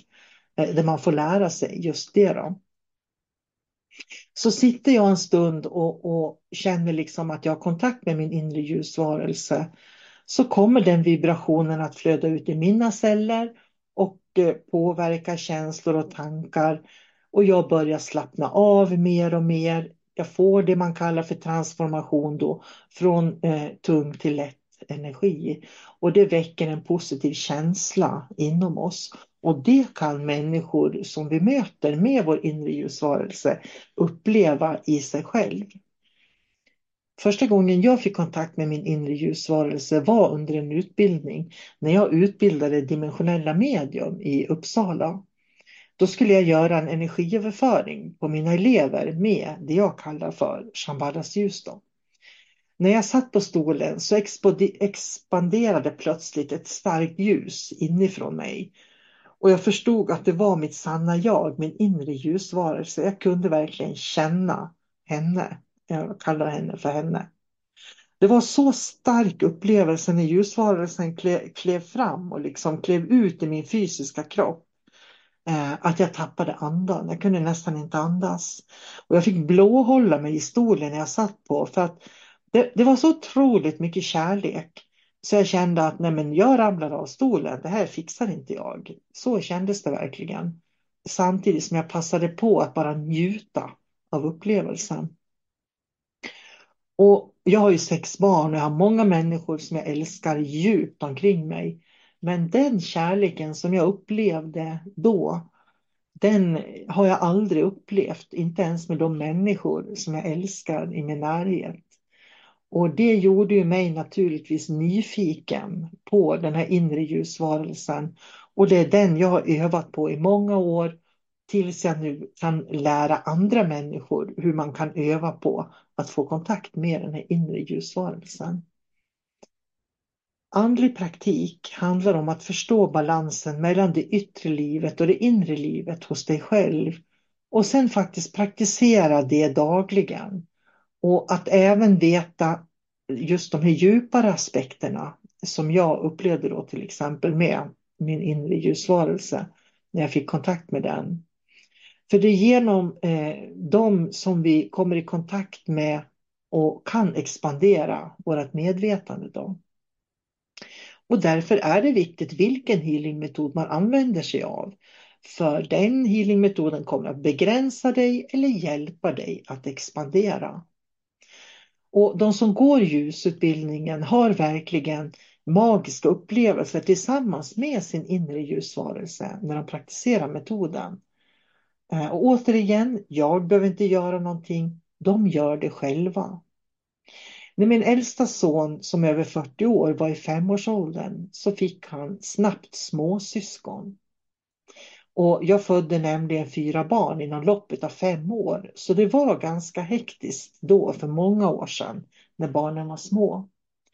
Och han hade fått en fotvårta som vi varje kväll vårdade genom att fila på den och pensla den med vårt medel. Då. Och en kväll när vi satt och pysslade med hans fot, fotvårta så kände jag att nej, så här kan vi inte hålla på. Den släpper ju liksom aldrig. Så jag satte mitt pekfinger på hans fotvårta och sen la jag en tyst tanke och frågade vad är, det, vad är det du har att säga? Vad vill du säga? Jag frågade tyst fotvårtan vad den ville. Och plötsligt så säger min son då att du och pappa har aldrig tid för mig och mina småsyskon. Och när han sa det, då insåg jag att han hade fotvårtan därför att det var så bekvämt för honom att bli ompysslad av den här fotvårtan, eller med den här fotvårtan då, varje kväll. Så när jag förstod att han behöver mer tid med mig och sin pappa, då öppnade sig fotvårtan precis som en blomma som slår ut framför ögonen på mig. Och jag kunde plocka ut de här svarta rötterna i fotvårtan och sen var den borta. Och han fick mer tid med mamma och pappa. Så det är också ett läkande i, i relationer skulle man kunna säga. Så aha-upplevelser som jag fick där, som jag delade med mig av till hans pappa, hjälpte oss att läka eh, det han behövde då genom att ge honom mer tid, för det var det han ville ha. Men inte kunde förmedla på annat sätt än genom den här fotvårtan som vi pysslade om. Så det, det var ju liksom ett mirakel i sig. Jag vet en gång också så gav jag reiki till en kvinna som hade en parasit i magen eh, som gav henne ordentliga eh, magsmärtor. Och hon hade själv försökt på alla sätt att ta död på den där parasiten. Men när jag la händerna på magen så kunde jag liksom se den här parasiten. En liten ynklig rackare som var livrädd. Och det är inte så konstigt. Hon hade ju försökt ta död på den med alla medel. Så varsamt tog jag den och hjälpte den hem där den hörde hemma, i havet. Och det är en själsåtervinning för parasiten, skulle man kunna säga. Men det hjälpte henne att läka. Och jag lärde mig den gången att allting har en plats. Och vi ska återbörda saker och ting där de hör hemma, för då skapar vi balans. Parasiten fick komma tillbaks till den plats där den hörde hemma och hon blev fri i sitt magproblem. Det är det här som healing och energiarbete eh, blir så intressant därför att vi vet aldrig vad resultatet blir när vi börjar. Men det är alltid spännande när det händer eh, små mirakel. Och alla kan få uppleva det. Det är min absoluta erfarenhet. När jag nyss hade lärt mig reiki så upptäckte jag mina schamanska gåvor. Och för jag skulle göra en schamansk healing eh, på distans då, på en man. Han ringde mig och han var nedstämd för livet kändes bara tungt för honom. Han hade fru och barn och ett arbete han trivdes med. Och när jag skickade reiki till honom så såg jag en häst och en vagn som han drog en kista på. Kistan tippade och en liten pojke hoppade upp och fick se den här döda personen. Jag tyckte det var en jättemärklig bild, men jag bestämde mig för att berätta den för mannen. Och när jag berättade eh, bilden jag fick för mannen, då berättade han att eh, han hade varit med om exakt det som jag såg. Med andra ord hade jag fått en bild av hans trauma från barndomen. Och jag hade aldrig behövt säga det till honom egentligen, utan den gången var det nog jag som behövde mer bekräftelse på vad det var jag såg, för jag var ganska ny med reiki då. För det vi ser och upplever när vi ger reiki till någon annan eller healing till någon annan, det är oftast det som de jobbar med att känslomässigt och emotionellt läka. Så det släpper helt enkelt taget om dem. Så skulle jag då gå in och säga ah, jag ser det här och det där och därför att då riskerar jag att faktiskt dra tillbaks eh, eh, sådana blockeringar eller trauman som man släpper taget om. Så det var inte mer med det. Han kunde bekräfta bilden, han hade varit med om det. Han upplevde behandlingen som väldigt behaglig och sen la vi på telefon och så var det bra med det. Jag har ingen aning om hur det gick för han egentligen. Ett år senare så ringde han till mig och så sa han, jag måste faktiskt ringa till dig och tala om för dig att den behandlingen jag fick av dig för ett år sedan har gjort att jag vaknar och är glad varenda dag.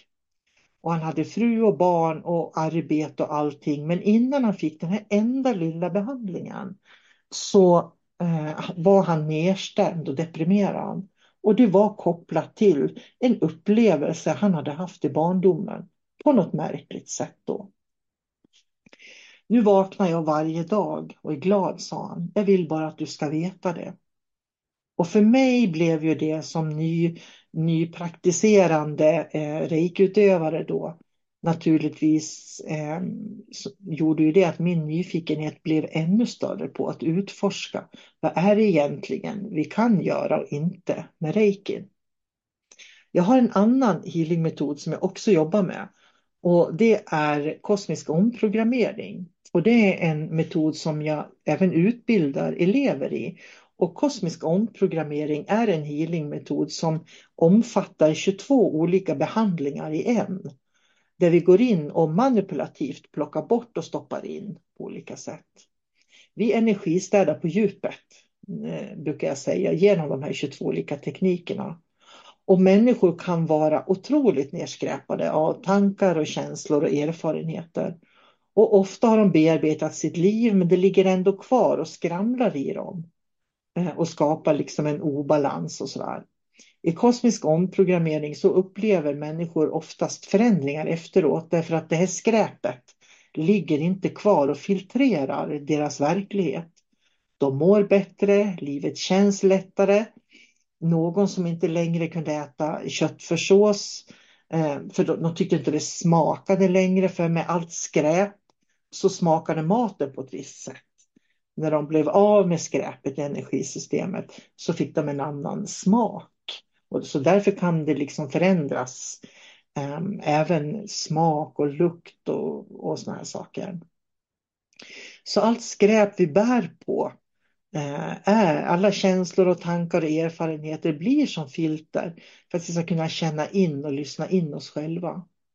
Och de här skräpiga filterna kan även vara att vi behöver lära oss att sortera intryck som kommer utifrån till exempel. Och det är därför jag alltid rekommenderar eh, människor att de ska lära sig reiki. För då kan de städa sig själv varje dag. Eh, kosmisk omprogrammering är en metod som de som gått den esoteriska utbildningen eh, erbjuds att gå om de är intresserade. Då. Många som vill lära sig reiki av mig rekommenderar jag först att läsa min bok Reiki naturligt helande och mjuk beröring. Det är många prova på tekniker som man kan göra i, som finns i boken utan att man har lärt sig reiki och få lika intressanta och magiska mirakel och resultat.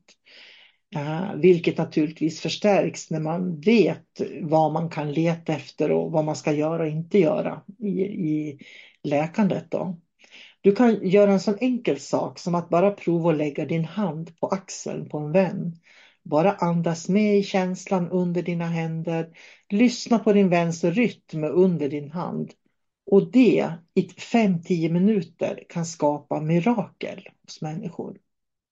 Vi har naturligt läkande med oss och inom oss. Om vi ramlar och skrapar ett knä så lägger vi handen på knät för vår kroppsenergi, alltså vår naturliga livsenergi som vi alla har, gör att smärtan minskar. Och varför kan den göra det? Skadan är ett trauma. Genom att direkt vara där så stillar vi rädslan som uppstår när traumat skapas. Och när vi gör det så slutar det göra ont. Men kroppen behöver fortfarande sin egen tid för att läka det bortskrapade skinnet. Har du huvudvärk så är det ju superskönt att hålla på huvudet för värmen från händerna, händerna lindrar smärtan. Och värmen är ju vår livsenergi.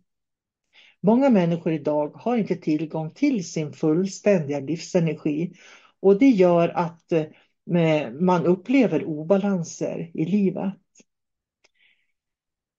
Um, nu ska vi se, jo det var det jag skulle säga att uh, om ett barn ramlar och skadar sig någonstans så blåser vi också. Så att blåsa gör ju att vi blåser bort den här första rädslan som kommer i när vi har ramlat. Eller den smärtan som vi upplever då. Uh, och då kan vi liksom blåsa livsande och livsenergi. Och då släpper den här smärtan och det känns bättre. Upplevelsen finns ju fortfarande kvar men smärtan som rädslan skapar släpper ganska fort. För att lindra upplevelsen för barnet så kan vi sedan lägga på ett plåster och när de ser plåstret så processar de samtidigt sin erfarenhet. Och det jag vill påvisa med att jag berättar det är att läkning har så många nivåer. Vi kan kontrollera någon nivå med Alvedon eller ett eh, om vi får ett skrapsår. Eh, så kanske gör ont och vi behöver ta en Alvedon. Eh, det kanske känslomässigt gör ont för vi blir rädda.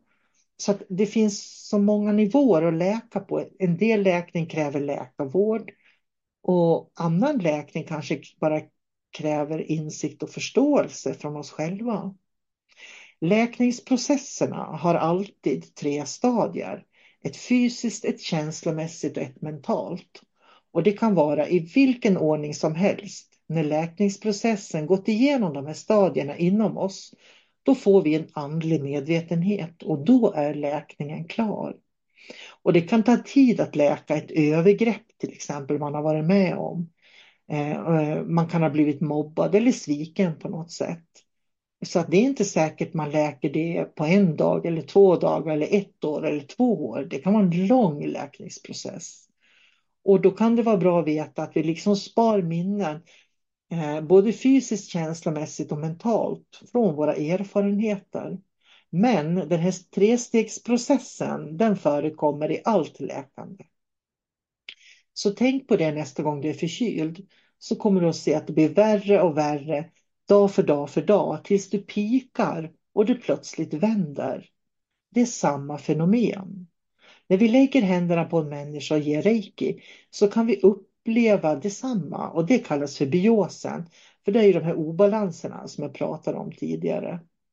Och det är därför som vi kan uppleva att eh, det, det liksom blir värre och värre och värre innan det blir bättre så att säga. Och faktiskt ibland människor när man har fått en reiki-behandling så kan de få träningsverk efteråt.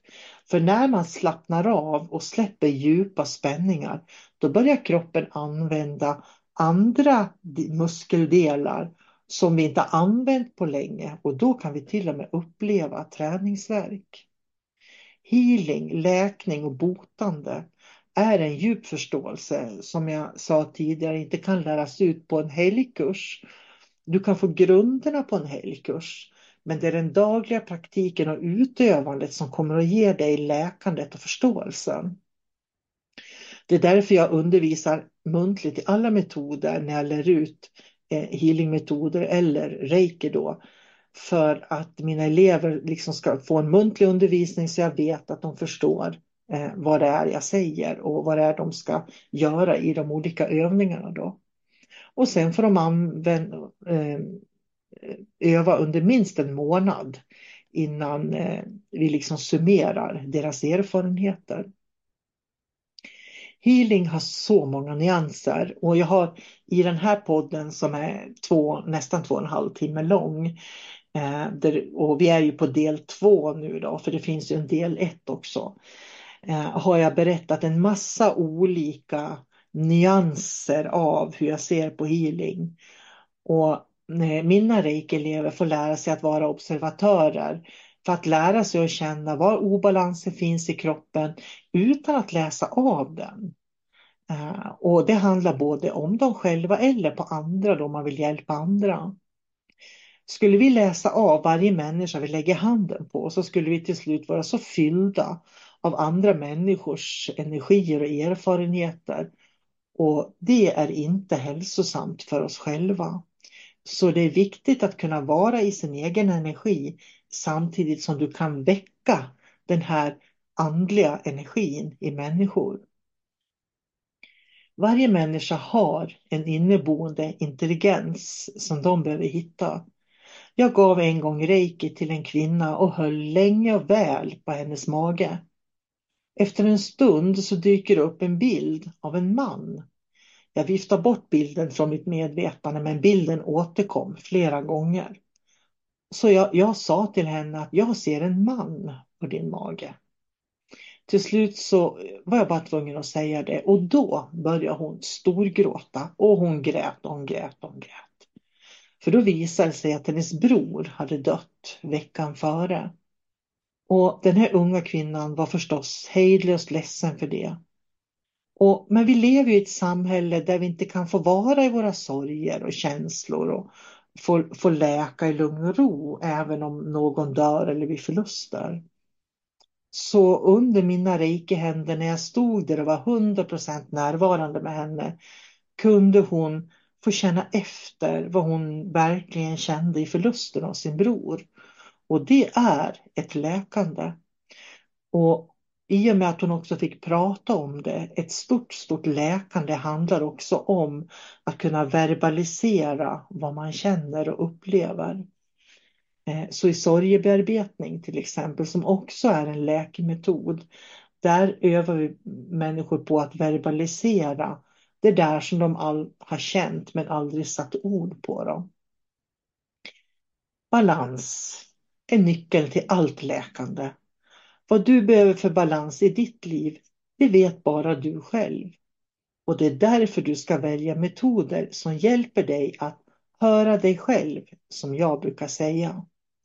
En inre och yttre balans gör att du kan utveckla din dimensionella förståelse och därmed få en djupare andlig praktik. Och klarar du inte det så ska du ta hjälp, men du ska välja hjälpen väldigt noga. Och det, mina vänner, där tänkte jag avsluta den här superlånga podden på nästan två och en halv timme om reiki, healing och läkande. För jag tycker att det är viktigt, eh, det kändes viktigt för mig att få dela med mig av mina perspektiv. Du är så välkommen att skicka frågor till mig eh, om du vill att jag ska göra mer poddar framöver där jag kanske förklarar lite djupare olika saker som jag pratar om. Du är så välkommen att höra av dig. Eller om du vill ha, eh, tror att en rekommendation för någonting kan hjälpa dig då från min sida. Men eh, annars så är du så varmt välkommen till mig Eh, och de utbildningar jag har. Och har du lyssnat på mina poddar nu i två och en halv timme så vet du hur jag ser på läkandet och på healing och på andar och på andlig healing eh, och på reiki och, och allt som har med energi och energimedvetenhet att göra. Och det är det jag står bakom. Jag är professor i mitt liv och du är professorn i ditt liv. Glöm aldrig någonsin bort det. Ta hand om dig nu. Allt gott från mig. Hej då!